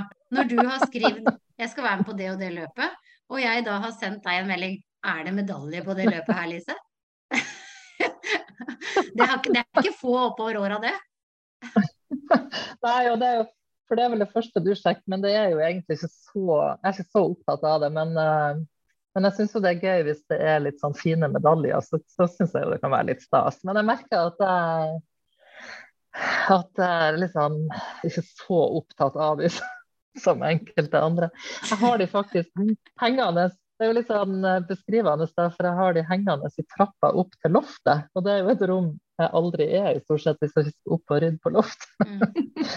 Men det er på en måte der de har fått plass, for at det, det begynner å bli noen opp gjennom årene. Ja. Uh, og spesielt For, for det, er jo en ting Jeg har vært med på utrolig mye løp. Jeg har um, Jeg husker jeg holdt et foredrag for et, noen år siden, og det var jo før koronaen, så det må kanskje ha vært sånn fire-fem år siden. Og da tærte jeg opp at jeg hadde vært med på 80 løp. Ja. Og det var jo på eh, Ja, så det var vel på en fire-fem år, da. Sånn at eh, jeg følte at jeg var på veldig veldig mange løp i starten, og så gikk jeg litt lei, eller du blir på en måte litt sånn blasert, mm. kanskje. At du liksom blir litt mer kresen på hvilket løp du velger. og sånn. Du er med på noe hver helg liksom, hele våren og hele høsten. Så dermed så har det blitt ganske mange medaljer. Og mm. da Ja. Men jeg rydda litt i de her om dagen, for jeg hang de kronologisk. Det var jo litt gøy, da. Jeg tok liksom ja. alle Oslo Maraton bortover på en, rad. Så det, det, er jo gøy å ha de, da. For jeg hører om flere som har de i skuff og sånn, og det syns jeg høres litt stusslig ut. Så man må liksom ha de hengende oppe. Ja. Ja, for, når du jeg flytta jo nå i, i, januar, og etter det så har den blitt liggende i en sånn liten eske under en seng. Og det, jeg hører jo at de roper på meg, liksom. Det er sånn der Vi skal Hva er dette her? Vi skal da ikke ligge her. Det er jo Ja, men jeg må liksom bare finne den fine plassen til dem. Men for meg så gnager det hjerterota mi at de ligger der. Jeg syns det er verre enn at jeg har esker stående nede i kjelleren som ikke er rydda ut av sko, f.eks. Syns det er verre at medaljene mine ligger kasta inn under en seng. Ja, det syns jeg er helt forferdelig, faktisk. Men har du noe Hva er, hva er neste målet ditt, da? Um, nei, neste målet er Eller hvis du tenker på neste løp, mm. så er det Romeriksåsen på langs, som jo da er klubben Det er jo Romerik ultraløperklubb som jeg er stolt medlem av. Mm -hmm. Og det er de som arrangerer det, så det har vært litt sånn Eh, jeg har ikke vært med hvert år, men jeg har løpt det fire ganger før. Jeg, jeg har deltatt fem ganger før. Den første gangen så, så brøt jeg pga. hun jeg sprang med, ble skada. Og så hadde vi avtalt vi skulle være sammen i tykt og tynt. Så da ja. brøt jeg også. Men um, Så det er liksom neste løpet. Men så neste målet vil jeg egentlig si er Bislett 24, der målet er å få medalje, da. Ja, for du var med i år. Eller i fjor, da. 2022. Ja, jeg var med i fjor. Mm. For da hadde jeg egentlig ikke mål om å ta medalje, for da var målet egentlig bare å holde ut 24 timer og, og prøve å ha det så bra som mulig. Du satte jo distansepersen din, gjorde du ikke det? Jo, jeg gjorde det. Mm. Det var det jeg skulle sjekke opp hva det ble, men det var vel 100 Ble det 111? Jeg tror jeg fant ut i hvert fall at jeg var sånn ca. to mil unna medaljekravet. Mm. Da, man gjør seg jo litt sånn erfaring i det. For jeg har jo vært med på et 24-timersløp før Hell i året før. Mm. Men det var så annerledes, for det var utendørs, og det regna hele tida, og det var, jo mørkt og forskjellig temperatur. Og, mens uh, Eh, og det var jo også første gang jeg var med på det. Bislett var jo innendørs, og det blir det, ja, matservering, og det var så mye annerledes da. Måtte å sammenligne de to. Så nå føler jeg at jeg har gjort litt sånn erfaringer for Bislett som jeg forhåpentligvis klarer å, å snu til at jeg da klarer å sprenge litt lenger. For det, det som skjedde, var at jeg ble så sjukt trøtt. Mm. Og jeg blir jo aldri Jeg er jo alltid sånn siste som går fra fest. Ja, ja. hun li- liker å sitte oppe om kveldene, og det å være trøtt det er ikke noe som jeg bruker å veldig med, men jeg ble så veldig trøtt ganske tidlig. Så, så dermed så slet jeg rett og slett med å holde meg våken og klare å, å liksom holde dampen oppe. Da. Så det må jeg jobbe med i år. Så det er egentlig målet, å prøve å um, Da er jo tanken egentlig å bare gå på veldig lav, lavt maskineri. Mm. Sånn at du bruker minst mulig krefter, og så bare prøve å holde det lengst mulig. Mm. Det La du merke til at det var en som gikk hele tiden når vi var på Bislett sist? Det var en mann som gikk. Jeg bare så lurer på hvor langt han Ja, egentlig gikk. Hvor langt kan man gå, liksom? Ja, han gikk, han hadde turklær og gikk. Han gikk hele tiden, han løp ikke én eneste meter. Og jeg er egentlig lurer litt på hvor langt kan man gå på 24 timer? For det er liksom Du skal jo i hvert fall eh, De sier jo at du skal kunne gå eh, og klare medalje. Nå er det jo litt høyere krav for mannfolk, det her var jo en mann, da. mm. men jeg lurer på om de må ha to mil mer eller noe sånt. Men det er jo et spørsmål hvor mye pause han tok. Det er jo det der, eh, Du tenker jo at det ikke tar så mye tid, at du går på do, at du stopper litt og prater med noen, og du stopper og spiser litt. og sånn. Alle de der minuttene Mm. På 24 timer, så summeres det jo. Det blir jo noen minutter til sammen. Mm. Og noen legger seg jo ned og tar seg en blund, noen setter seg jo litt. Så det er jo Ja, det spørs jo. Men det skal jo være fullt mulig å gå hele. Men det er forskjell på teori og praksis. For det er jo det jeg tenkte når du hører det medaljekravet, så tenker du ja, men det er romslig, ikke sant. For at regner du Mm. kilometertid sånn og sånn. Men det er jo ikke sånn det fungerer. For det er ingen som klarer å non-stop, ja, unntatt de aller, aller beste, da. Eliten klarer jo det. Men alle vi, oss andre, vi må ta pauser, vi må på do, og vi må kanskje få en massasje. Og vi ja. må, ja. Sånn at um, alle de der pausene og alle de avbrekkene det summeres opp, og så går det saktere etter hvert. Og ja, i det hele tatt. Og det er jo en sånn Å sprenge Bislett 24 har jeg sagt i mange mange år at jeg alltid skulle gjøre. Jeg har stått der i servering og hjulpet til, for det jo klubben som arrangerer det. Men eh, så var det litt sånn at uh, det her er bare en ting jeg må gjøre før jeg dør. og da prøvde jeg på det. Og da ble det to år på rad isteden? Ja, og så sprang jeg tolvtimersløp ganske nylig. Og det, og det ja, en eller annen merkelig grunn så har jeg funnet ut at jeg likte litt. Det, er sånn, eh, det var rundt bane, da. Og det er jo så monotont som det kan forbitte rundt og rundt på en 400 meters bane i tolv timer. Det høres helt sjukt ut, og det er jo sjukt. Men det var litt sånn Jeg vet ikke, det passa meg litt på den måten at jeg har den der eh, tra Mm. rolige trasen, liksom, så kan jeg holde gående ganske lenge. Og så ja, så må man Mm. være litt sånn god på å bare koble ut.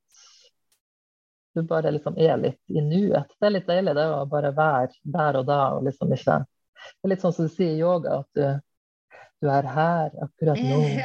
Altså, du er sånn Slipp alt rundt. Det er litt sånn der, det er noe meditativt med det, for du er sånn Du får ikke gjort noe annet. Du er liksom her og nå. Det her er den tingen du skal gjøre. Hører du på musikk, eller hører du på bok, eller hører du på når jeg er på sånne lange løp, så hører jeg gjerne litt på podkast. Men det er lite løpepodkaster. jeg. Syns det blir så mye løping ellers. Det kveler så mye løping i hodet på meg døgnet rundt at jeg tror det bare blir litt mye, rett og slett. Så jeg Mm. hører mye på sånn humorpodkaster. mm. Så det er mye sånt. Det er mye tant og fjas. Ja. Og så hører jeg Men jeg hører um, hovedsakelig på musikk. Det gjør jeg nå. Har du en bucketlisteløp? Et løp som du tenker at en gang i tiden i verden i Så vil jeg dit. Ja, det er jo 100 miles, da. For Mm. det er jo en eh, sånn kjent skikkelse i ultramiljøet, Henning Lauritzen. Han sier at eh, du har ikke løpt ultraløp før du har løpt 100 miles, som er 160 km. Så jeg føler jo at det er liksom ikke Jeg på en måte ikke inne blant fiffen riktig ennå, da. Så det er Så der føler jeg at det må jeg også liksom gjøre på et eller annet tidspunkt. Og så tenker jeg at jeg må jo gjøre det før jeg blir pensjonist. Liksom. Så Mm. det starta så seint. Men eh, der må jeg jo bare finne et løp som, uh, som jeg tenker at jeg kan fullføre. Det er det som har vært litt problemet, at det cutoff og sånn blir for tight. Sånn at, eh, at jeg tror jeg har trøbbel med å nå det. Da. Så jeg må liksom finne et Mm. løp som jeg, som jeg tror jeg kan klare. Og så har jeg jo tenkt New York Marathon. Mm. Er det 100-milsløpet i Norge? Er- Ja, det er Soria Moria Ja, verdens det er ende. Det går jo faktisk. Og så er det vel Lofoten Sky Race, Ja. mener jeg, 100. Og så er det noe som heter Nøsen 100. Og så er det, altså, det er jo flere, ja. X-Ray. Ja, det er ganske mange, faktisk. Mm. Eh, men det Soria Moria er faktisk nå om bare to uker. Det ser så flott ut. Ja, det, ser- og det er sånn som det Hadde jeg bare blitt litt raskere, så kunne jeg Men der er det sånn, jeg vet noen som sleit litt med cutoffen i fjor, klarte det akkurat, og de er raskere enn meg. Sånn at Mm. jeg må steppe it up for å klare den der. Eh, og i år ligger det vel litt snø i løypa, så jeg tipper det er litt tøffere i år. Mm. Men eh, også New York Marathon har jeg også lyst. Og det er så sånn eh, Jeg var veldig opptatt av det løpet for noen år siden, og så dabba det litt av den interessen for sånn gatemaraton. Så jeg har jo egentlig ikke løpt så mange av de. Mm. For jeg ble litt mer gira på terrengløp. Og nå er jeg kanskje litt mer på sånn baneløp, så det går litt sånn Det er vel litt for å få litt variasjon, tenker jeg. Men uh, det har jeg lyst til å løpe en eller annen gang, da. Um, ja. Og så har jeg også, det er et løp nordpå også, som jeg har veldig lyst til å ta, som heter Telegrafruta. Ja. Og det er jo på, Salt, på Saltfjellet, som jeg er opprinnelig fra Mo i Rana. Sånn, slekta kommer fra det. Så det hadde vært gøy å få til det et år, men det er så vanskelig å få det til sånn logistikkmessig, da. Men det ser ut som et veldig fint løp. Mm. På fjellet. Ja. ja. Det er fint å på fjellet. Mm. Ja. Men du har ikke slitt med noen skader og sånne ting? Jo, jeg har egentlig en sånn litt kronisk skade som heter Mortens nevron. Som er Jeg måtte google hva det var. Det har jeg glemt.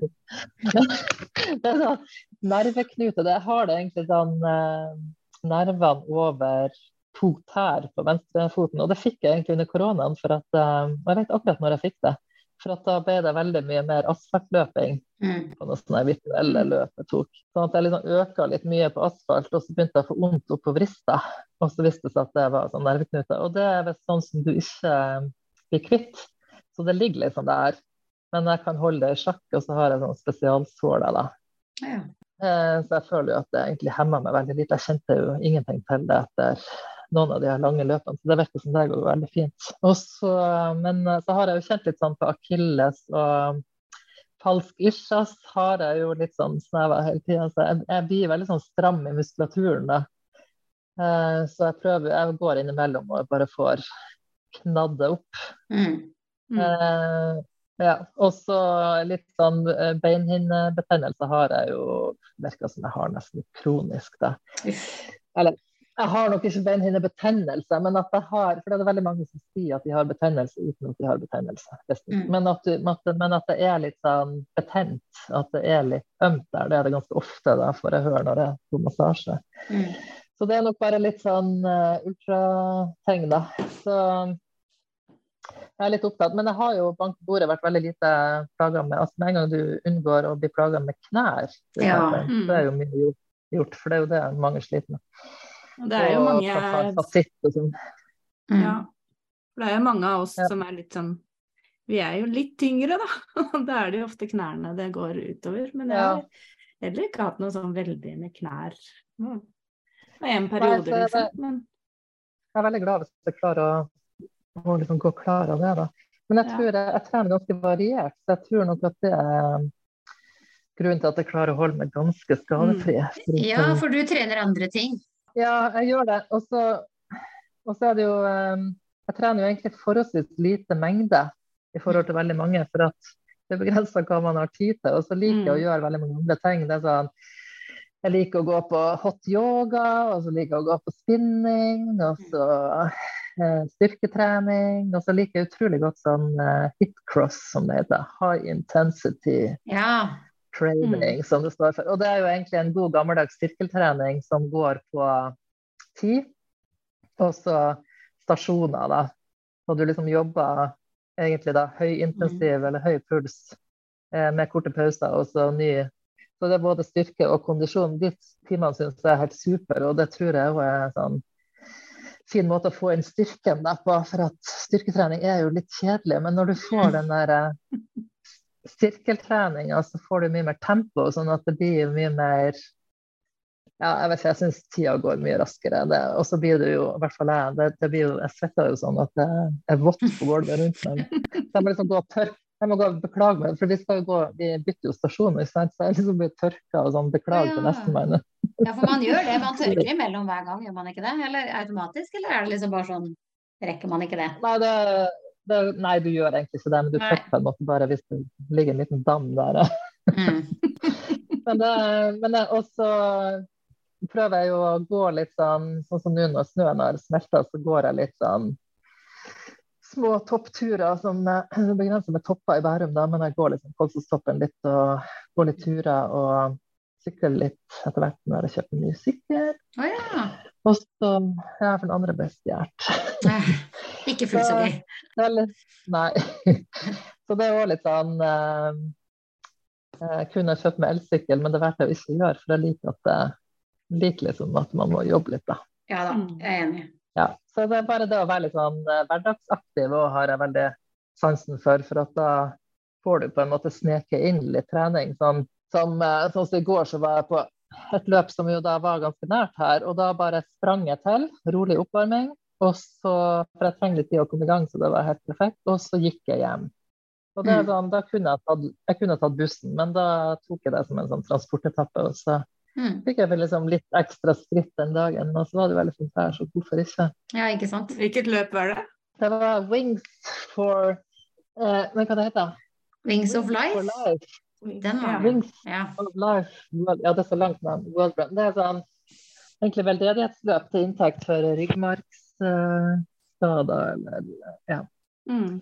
Så er det over hele verden. ja, samtidig. Men det er jo litt sånn kul vri på det løpet med at du blir tatt igjen av en bil. Ja, så det er Eller virtuell bil. Ja, for det er egentlig et løp som går via en app. Så du Ja. kobler appen til øret, og så sier han sånn her Så teller han liksom ned. 10, 9, 8 Og så liksom OK, and off we go. Så da stiller du inn etter det landet du er på. Så Norge hadde jo da har sin egen stemme, så vi hadde en fra England. Og så kommer det sånn Just checking in to let you know that the car is speeding up. Ah, ja. For da, da, da den starta halv, en halvtime etter at vi begynte å sprenge, og så kjører den i et visst tempo, og så øker den farta gradvis. Og så får du på øret da eh, fartsøkninger, og så får du mot slutten, så får du sånn Nå er bilen to kilometer bak deg. Nå er bilen 500 meter bak deg. Så det var litt gøy, det. Men eh, vi tok det, jeg sprang med ei venninne, vi tok det som en sånn rolig tur, for hun har ikke trent så mye, hun har vært skada. Så det var bare en sånn kosetur i sola, og det er så deilig å ta noen sånne løp også innimellom. Mm. Og det er jo rein veldedighet, så det er vel ikke noe Det er jo ikke noe medaljer eller premieutdeling eller noen ting. Det er på en måte kun Ja, det var jo på en måte kåra en vinner, det var en japaner, så for det ser du i appen eh, Ja. hvem som vant. Så det var Han sprang jo bare seks mil lenger enn oss, da, så han var litt bedre form. Men eh, seks mil lengre. jeg fatter ikke hvordan det er mulig, men det er et eller annet med at de som sprenger raskest eh, Altså bilen bruker jo lengre tid på å ta det igjen, da. Jo, Mm, men allikevel seks Han har løpt langt, da. Ja, det var Jeg fatter ikke helt hvordan det går an. dere starter jo men, eh, samtidig.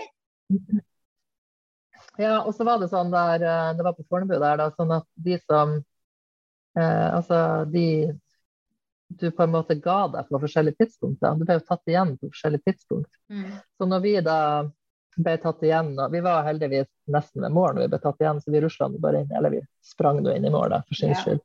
Og så når vi da liksom sto og spiste banan og drakk Red Bull og sånn, så, så var det jo flere som da kom og starta på en ny runde, og da var det sånn Hæ? Å ja, nei, de er ikke tatt igjen ennå. Nei, ikke sant. Så det, Eh, så det var jo sånn artig konsept. Mm. Så, ja. Men det er sånn, innimellom er det fint å bare Da hadde vi avtalt hvis du sprenger i hennes tempo, og hun styrte det også. Det syns jeg er litt deilig å bare gjøre av og til. At det ikke Ja. alltid trenger å være sånn jag og mas. Og, da var det bare sånn løpeglede, alle var ute, det var fint Mm. vær. og er gøy at Karsten Warholm var med, så du løper jo egentlig i lag med han. Ja, plutselig så kommer han rett foran oss. For de tok bare en litt sånn shortcut i løypa. Han sprang med to andre. Du trenger jo egentlig ikke å følge løypa. Det er jo ikke noe Det har jo egentlig ingenting å si.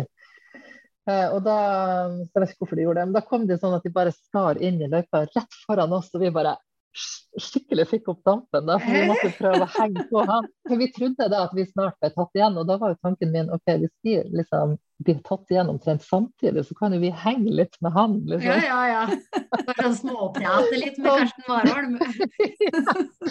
Ja, kanskje liksom plukke opp litt tips. Og, Ja. men, så, men selv om de var på en sånn superrolig tur, så stakk de jo selvfølgelig fra oss. da, så vi bare, Men vi fikk jo filma han litt, da, så det var litt gøy.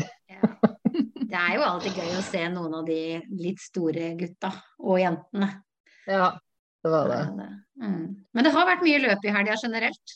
Ja, det begynner liksom å dra seg til nå med løp. Altså Hele våren og hele høsten føler jeg jo er ganske intens med løp. Mm.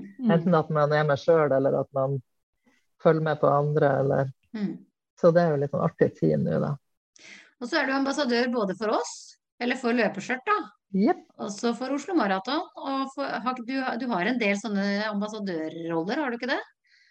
Ja, og så er jeg også for Altra eh, løpesko, og så er jeg for Tailwind, som er eh, energi, eller sportsdrikke, da. Mm. Eh, næring. Ja, det er jo litt ålreit det å kunne på en måte fronte litt sånne ting også. Liksom vise at det Ja, er funker, det. og sånn som den tailwinden, det gjør meg jo veldig nysgjerrig, på en måte. Ja, og den hadde Det er, sånn, det er mange som har brukt det lenge uten at de kanskje har fronta det så mye, men den hadde begynt å teste ut eh, sånn et lite år kanskje før. Jeg er jo ganske nylig blitt ambassadør der, så det hadde jeg ganske nylig begynt å teste ut. Og så, så merker jeg at jeg syns det funka så bra. For det, som er med den, at den er, det er litt mer næring i den. Mm. Altså litt mer kalorier der, rett og slett. Så du får egentlig mindre behov for å spise så mye, og det er jo det som er Og så er det ikke fullt så sterkt for magen som med gel, da, sånn at du Mm. slipper jo det der at du hele tida må fylle på så mye. Mm. Så spesielt på lange løp så er det litt gunstig, da, for du blir gjerne litt mindre kvalm og sånn. Ja. Så det er ikke så dumt. og så alt som kan gjøre det litt sånn lett, at du slipper å ha med så mye greier. Og så er det jo, ja. På Altra også sprang jeg jo i lenge før jeg ble ambassadør. Det var jo sånn der, Ja. at jeg spurte litt men jeg lov å være ambassadør for løpe- for løpeskjørt. Og jeg, har jo, jeg husker jeg var jo på når, eh, når du hadde sånn eh, Hva det heter At du hadde butikk, da? Sånn showroom eller sånn. Ja. Masse. Husker jeg sto i kø og shoppa. Jeg hørte ikke det var kø før uh, åpning. Ja, det har, har jo handla en del derfra opp gjennom årene. Så det er, sånn, det er gøy å ha på løpeskjørt når det er sånn KK Mila og sånn eh, Ja, litt sånn Da har jeg gjerne litt sånn blomster i håret. Og, Mm. Pynte seg litt ekstra, kaller vi det. ja, ja. Men det, og da må jeg jo si det, siden jeg må reklamere litt for jeg glemte å ta bilder. Men jeg sprang faktisk i shortsen fra løpeskjørt nå på i går. Oh, ja. Og da, det var så og det var, eh, det var en sånn eh, litt lang Altså den er Det er jo en helt vanlig shorts, men den er litt lengre på en måte på Mm. foten. Eller Ja, litt sånn, kneet, sånn trang shorts, sånn type sykkelshorts uten paddingen. Ja, På en måte. ja. Ja. Og så, var, og så hadde jeg, og så har jeg hatt så mye trøbbel med hodetelefoner med Bluetooth i det siste, så nå tok jeg, siden her måtte vi jo høre på øret da, når vi ble Mm. tatt gjennom den bilen, så da tok jeg sånn eh, med ledning, og det er jo litt sånn klabb og babb. For jeg bruker vanligvis å ha telefonen i et sånt belte på magen, så ble jeg så styra med den ledningen, så tenkte jeg, ah, nå putter jeg mobilen i den lomma på Mm. shortsen. Mm. Og da ledninga liksom gikk jo perfekt sånn, da liksom hang den foran uten at det ble noe stress. Mm. Mm. Så det var bare sånn, hm, det der funker bra. Ja, det gjør det. det er egentlig veldig god, den shortsen. jeg har egentlig ikke prøvd de løpsskjørtene. har jo også lomme, men jeg har egentlig aldri hatt mobilen i. Jeg har liksom hatt den på magen, for det, det er noe med vane, og du er vant til det, og den er litt nært og sånn. Men det må jeg Mm. bare si at det funka veldig bra. Ja, jeg hadde også alltid det før. Men nå har jeg siste året så har jeg bare brukt de lommene. For jeg tenkte før at hvis jeg putter telefonen oppi, så kommer skjørtet til å sige. Mm. Men det gjør det ikke. Ja. Nei, og selv, selv min telefon er ganske tung, for jeg har sånn der eh, eh, deksel med Mm. kort. Og, så akkurat nå er det ganske mye sånn kvittering og tegn Ja. så, litt, så det er liksom gula litt. Men selv da var det ikke sånn at jeg følte at den dro ned. Så det var jeg veldig det fornøyd med. Nå kan jeg jo passe på å si det. Ja. Og det er Redemption Shorty. Det var den de hadde, tror jeg. Ja. Ja. Ja, for jeg, det var litt bra at den var litt lengre, for det Mm. ja, den er i to forskjellige lengder. Eller egentlig tre. Fire inch, eh, seks inch og åtte inch. Nå husker jeg ikke hva det er i centimeter, men eh, jeg har Ja. tatt inn bare de to lengste, da. Eller den midt, midtlange. Ja. Og Ja, den for den her var sånn den stoppa litt, litt over kne, eller Mm. kanskje sånn fem cent over kneet. Ja. Mm. ja.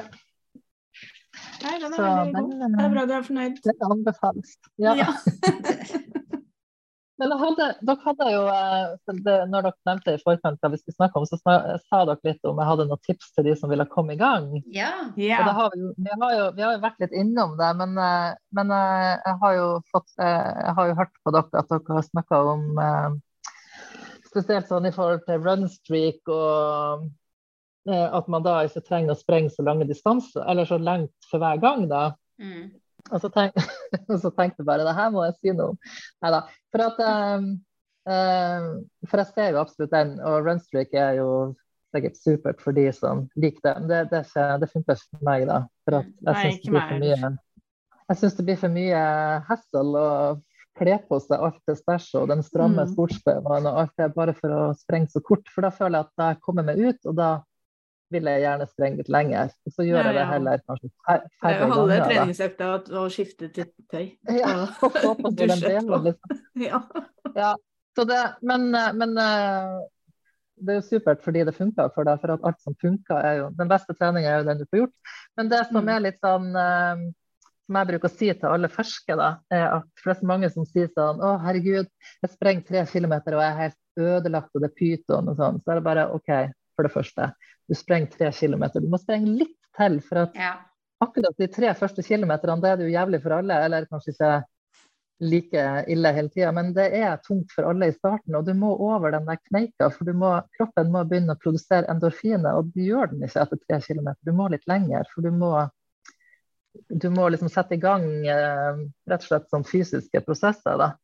Sånn at du må bare sprenge litt roligere, så blir det òg litt mindre Mm. pyton. da. Hvis du sprenger litt roligere, litt lengre, så vil du sannsynligvis ha en bedre tur. Mm. Det er så mange som tenker sånn at jeg må sprenge fort, for, jeg, for det er på en måte det eneste som teller, og da blir jeg i god form. Men du må sprenge sakte, Mm. for da klarer du å sprenge lengre. Og når du klarer å sprenge lengre, så klarer du kanskje å sprenge fortere Mm. etter Mm. hvert. Så Ja. du må liksom snu litt fokus, da. Og så føler at tre kilometer er litt den der magiske grensa. Du må over den. Det var du som lærte meg det, Lise. Det var du som sa det til meg aller, aller første gangen. Så var det du som sa det at vet du hva, bare kom deg over den treeren, så er det Ja. lettere etterpå. Det er det du som har sagt til meg. Det lærte du meg. Jo, jeg har sikkert hørt det fra noen andre også, da, for jeg tror ikke det var jeg som fant opp det. Men det er rett og slett bare litt sånn, litt, litt sånn fysiologisk, da. Mm. At du må holde på en liten stund før du får endorfinene, før du får effekten og den der eh, godfølelsen i kroppen. da. Mm. Og så, og så må man også tenke at det godt kan gå litt rolig. for at eh, Og det hørte jeg jo på Ingrid Kristiansen sa, at du må på en måte ta det på ditt nivå. Du må ikke halse etter de der som sprenger raskt. Du må liksom Mm. Mm. stikk, stikk fingeren i jorda og se hvor du er, da, og så ta det fra det. Og så bare og det, som, det som jeg også bruker å si, f.eks. hvis du skal delta på et løp for første gang, eller det løpet for første gang, så er det jo bare å senke skuldrene og tenke at hvis jeg får en litt dårligere tid enn jeg hadde håpa, så er det jo mye bedre å få en bedre tid neste gang. For at Mm. da er jo forbedringspotensialet det er sånn Ja, da, da må det jo gå bedre neste gang, for at da har jeg jo på en måte potensialet. Så det, og det sier jeg faktisk fortsatt til meg sjøl. Mm. At eh, det er stille, for da gjør, jeg kan jeg slå den tida neste gang. Så det Ja. Det er litt sånn eh, bare senk, igjen senk lista, da. Og ikke eh, ha så høye krav til seg sjøl. Mm. Kan jo overføres til stort sett alt her i livet, men også til løping. Ja, ja. Nei, det er riktig, det. Ja, man må ikke ha så høye krav til seg selv. Nei. Nei, og så må man òg tenke at hvorfor For hvis det er folk som tenker sånn her, ja, men jeg kan vel ikke fære ut og sprenge, og jeg er jo ikke en løper og sånn, så er det sånn Da må man jo huske på at løping er jo den mest naturlige bevegelsen. Det er jo sånn som folk har gjort fra tidenes morgen. Mm. Altså, Urmennesket det, å se på unger, de sprenger jo i pur glede. De, de blir så happy at de liksom bare må ta beina fatt og spurte av gårde. Altså, det er jo glede. Mm. Løpeglede. Og det er sånn, mm. bare alt, for jeg tenker alt det fokuset på tider, prestasjoner, utstyr, eh, terskel og O2-opptak og fandens oldemor, det gjør jo bare at folk får jo en sånn Altså det blir fjernt for folk, da. Mm. Det er liksom Så man må på en måte bare ta det litt sånn tilbake at uh, det her er på en måte så enkelt som løping. Det er én fot Mm. foran den andre. Mm. Mm. Det er jo faktisk ikke ikke mer komplisert. Nei. Nei. Det er på en måte en sånn naturlig bevegelse, da. Mm. Mm. Så ja. Det er egentlig veldig fint at du sier, for det er, veldig, det er litt mye terskel, og det er litt mye hvilken fart tror du jeg kan klare å Mm. løpe det og det løpet på. Altså det er jo mye sånn, og så er det jo egentlig bare en fot foran den andre. Ja, og så føler jeg at det blir litt sånn de og de. Det på en måte at de her eh, som er så veldig opptatt av det tekniske og fart og sånn, de er på en måte i en sånn egen At det er på en måte bare de som teller. At vi Mm. andre ikke er like gode løpere. Så er det sånn Det trenger jo ikke å være sånn. Altså det, vi er på en måte gode nok eh, på vårt nivå, tenker jeg. Og i forhold til Vi gjør jo det samme. ja, og hvis vi da ikke løpte en meter før, så er vi jo tusen ganger bedre enn vi var før, enn vårt Mm. tidligere jeg. Så vi må liksom bare fokusere på det. Det er nok noen ganger når folk, eh, de, de tøffeste, legger ut eh, hva de har gjort i helgen og hvordan de har trent, så skjønner jo ikke jeg halvparten av det som står der. Nei, ikke heller. Jeg skjønner ikke, jeg skjønner ikke økta. Jeg skjønner ikke Så det er liksom sånn der, altså Hvis du først skal legge ut den økta der, så må du nesten forklare hva du gjør. For det hjelper ikke meg at det står Ja. eh, opp og ned og i mente og gange det og ned, og så har vi trappa ned, og så er det terskel der. Jeg, jeg skjønner det ikke. Jeg er bare sånn, ja, kjem, Sikkert kjempebra økt. Sikkert veldig, veldig bra økt. Men jeg vet ikke hva du har gjort. Liksom. Det er det liksom blir for komplisert. ja. Så for meg så sier det meg ingenting hva dere har drevet på med i helga. Liksom. Det, det er sikkert dritbra.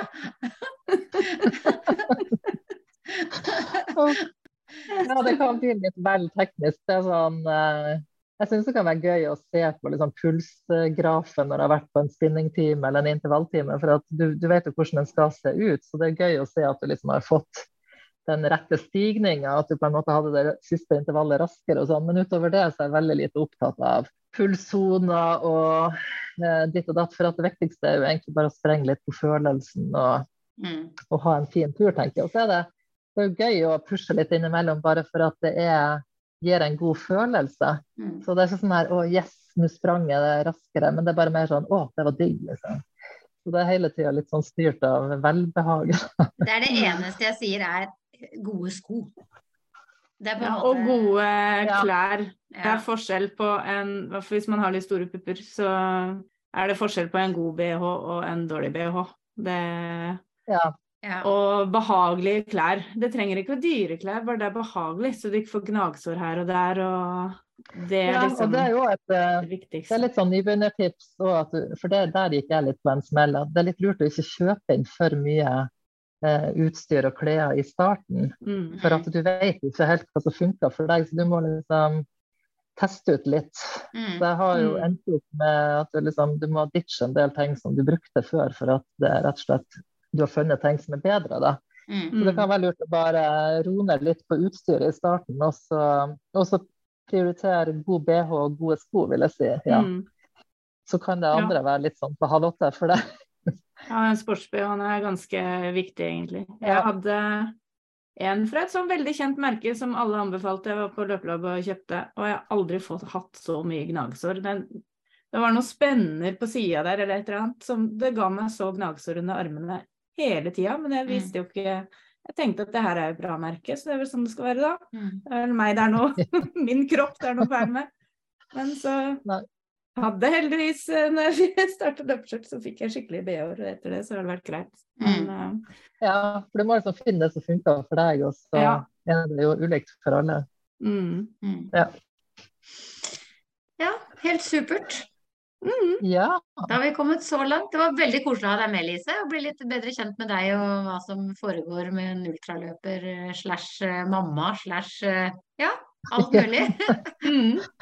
ja, så bra. Det er Ja. veldig gøy å bli Jeg skulle til å si intervjua, men det føler jeg jo ikke at det er. Sånn eh, koseprat Det er det det er. Det er prat koseprat. med gode venner. Ja, ja. Så er det jo ikke lenge til vi ses på et løp igjen, det er jeg helt sikker på.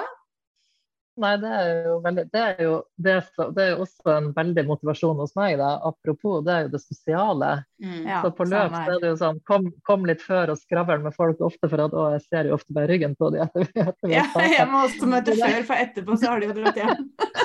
Ja, ja. Så det er liksom kom litt tidlig og bare heng med alle og skravl. Og, og hvis du Mm. da treffer noen i løypa, det er jo bonus, og skravl litt underveis. Det, det betyr utrolig mye for meg på Mm. Eller det er jo egentlig derfor jeg er med på løp, det vil jeg si. Det er jo for å treffe andre. Liksom. Og det fellesskapet og sånn, og alt det der andre medaljer og sånn. Det er egentlig bare Man føler man er en del av noe, på en måte, når man er med på et løp. Det er jo gøyere å melde Ja. seg på et løp med folk man vet man kjenner som skal på samme løpet. Mm. Ja, absolutt. Ja. Det er det. Det var jo som jeg sa Ja. Nei, under korona så var det jo litt sånn stusslig når det var bare virtuelle, da. Men da Mm. ble det jo et slags fellesskap også Mm. virtuelt, da. At, ja, så man er litt avhengig av den der innimellom. Men det er jo liksom som jeg sa til for det, er, det var et lokal løp her på fredag uh, her i byen, i min by. Uh, og som jeg sa til sønnen min når vi gikk ned der, så er det sånn Jeg møter jo søren meg flere kjentfolk på sentrumsløpet Oslo Maraton ja, enn jeg gjør på det Ja. lokale løpet her nede. Jeg sa akkurat det samme da Ja. jeg var med på et lokalt løp her i Moss på fredag. Mm. Jeg sa til Sian det, jeg møter jo flere på løpet i Oslo, eller som Mm. jeg kjenner, enn Ja. her i Moss. For her kjenner jeg nesten ingen. Nei, nei. Så, Så, det er litt, liksom sånn, litt mer sånn perifere bekjente, på en måte. Jeg kjenner bedre de jeg møter i Oslo. eller på større løp, da. Ja, ja. Så det, det, det var liksom litt sånn spesiell opplevelse. Du hadde, jeg husker i fjor sto jeg ikke og prata med noen, i år gjorde jeg nå i hvert fall det, da. Men når jeg reiste på det lokalløpet i fjor, så var det sånn her kjenner jeg faktisk ingen. Nei. Ikke Og så føler jeg at det er litt annet nivå, at de er liksom De er så gode. Ja, så er det sånn der, jeg har bodd der i 43 år, og så er det liksom bare sånn Hæ? Men det er jo selvfølgelig, du er jo hils på hils med bankdama og hun på lokalet. Mm. Altså, for det her er jo løpet som alle skal være med på, alle går, ikke sant, sånne ting. Så du er jo på hils, men det var liksom ingen av mine mine. mine. Mens hvis jeg reiser på sentrumsløpet, så bare Å, hei, der er du! Og der er du! Å! Sønnen min han var litt uh, lei, når, eh, for han var jo med meg på en del løp før. Vi løper veldig mye sammen i mange år. Mm. Både sentrumsløp og Oslo Maraton. Uh, ja, han var med når det var Sognsvann rundt Medsols, uh, Oslos bratteste, hva er det vi ikke har vært på? Og det verste han visste var før og etter, for da sto jeg og snakka med folk. Mm. Og jeg ble jo aldri ferdig. Det er jo noe med det. Ja. Neida. Så det sosiale er veldig, veldig hyggelig. Det er liksom noe Mm. eget med det. Ja. Det er jo som man kjenner folk veldig godt. Ja, for at, i hvert fall på ultraløp så blir man jo veldig godt kjent for at man er så lenge, i hvert fall hvis du løper sammen med noen i løypa. da. Ja. Du er sammen så lenge, og så kan du jo gå gjennom litt sånn livskriser nesten Ja. sammen. Mm. Sånn at man, eh, man blir veldig godt kjent, da. Så det, Mm. det, det er litt sånn andre typer vennskap. For at man egentlig er kommet ganske sånn Kanskje ikke kjent hverandre så veldig lenge sånn i tid, men man har kommet ganske sånn nært innpå det. Mm. Så det er jo, tror jeg gjør det litt sånn ekstra spesielt, da. Mm. Mm. Det er en veldig også en felles ting man gjør. Det er liksom sånn Ja. Ja. ja. Nei da, jeg tror vi skal runde av med det. Møt opp på løp, så får du, Ja. blir du en del av et sosialt og hyggelig miljø. Mm. Og så får du nye Ja. venner i voksen alder. Det er ikke Mm. alle forunt det heller, faktisk. Så det er Nei, så tror det er veldig fint å, det er fint å ha en hobby. Liksom. Det er fint å ha en ting som ikke bare er sånn ungene sine aktiviteter, da, hvis du har barn, Mm. men at du har liksom noe som er ditt eget du driver med, som er din greie. Da. mm, helt enig. Jeg blir så griseglad ja, når jeg kommer hjem fra løp og har møtt, sånn som jeg møtte dere to på, Oslo, nei, på sentrumsløpet. og liksom- Det, er- jeg, jeg gliser jo hele veien hjem, ikke sant. Det, er Mm. sånn der, det, det gir så mye, da. Man får det sosiale påfyllet som man ikke alltid får i hverdagen. Mm. Vi får det jo i den podkasten her. Ja. Nei, nå må vi gi oss, folkens. Ja. Vi må, vi må rulle inn. Det må vi. Vi kunne, skravla noen timer til. Ja. Vi, vi, vi bare, vi, egentlig skal vi bare avslutte opptaket, og så fortsetter vi pratinga. Er vi gjør. Hente, hente kaffekoppen, og så tar vi God plan. OK, takk for i dag, alle sammen. Takk for i Takk for i dag. Takk for i dag. Ha det bra.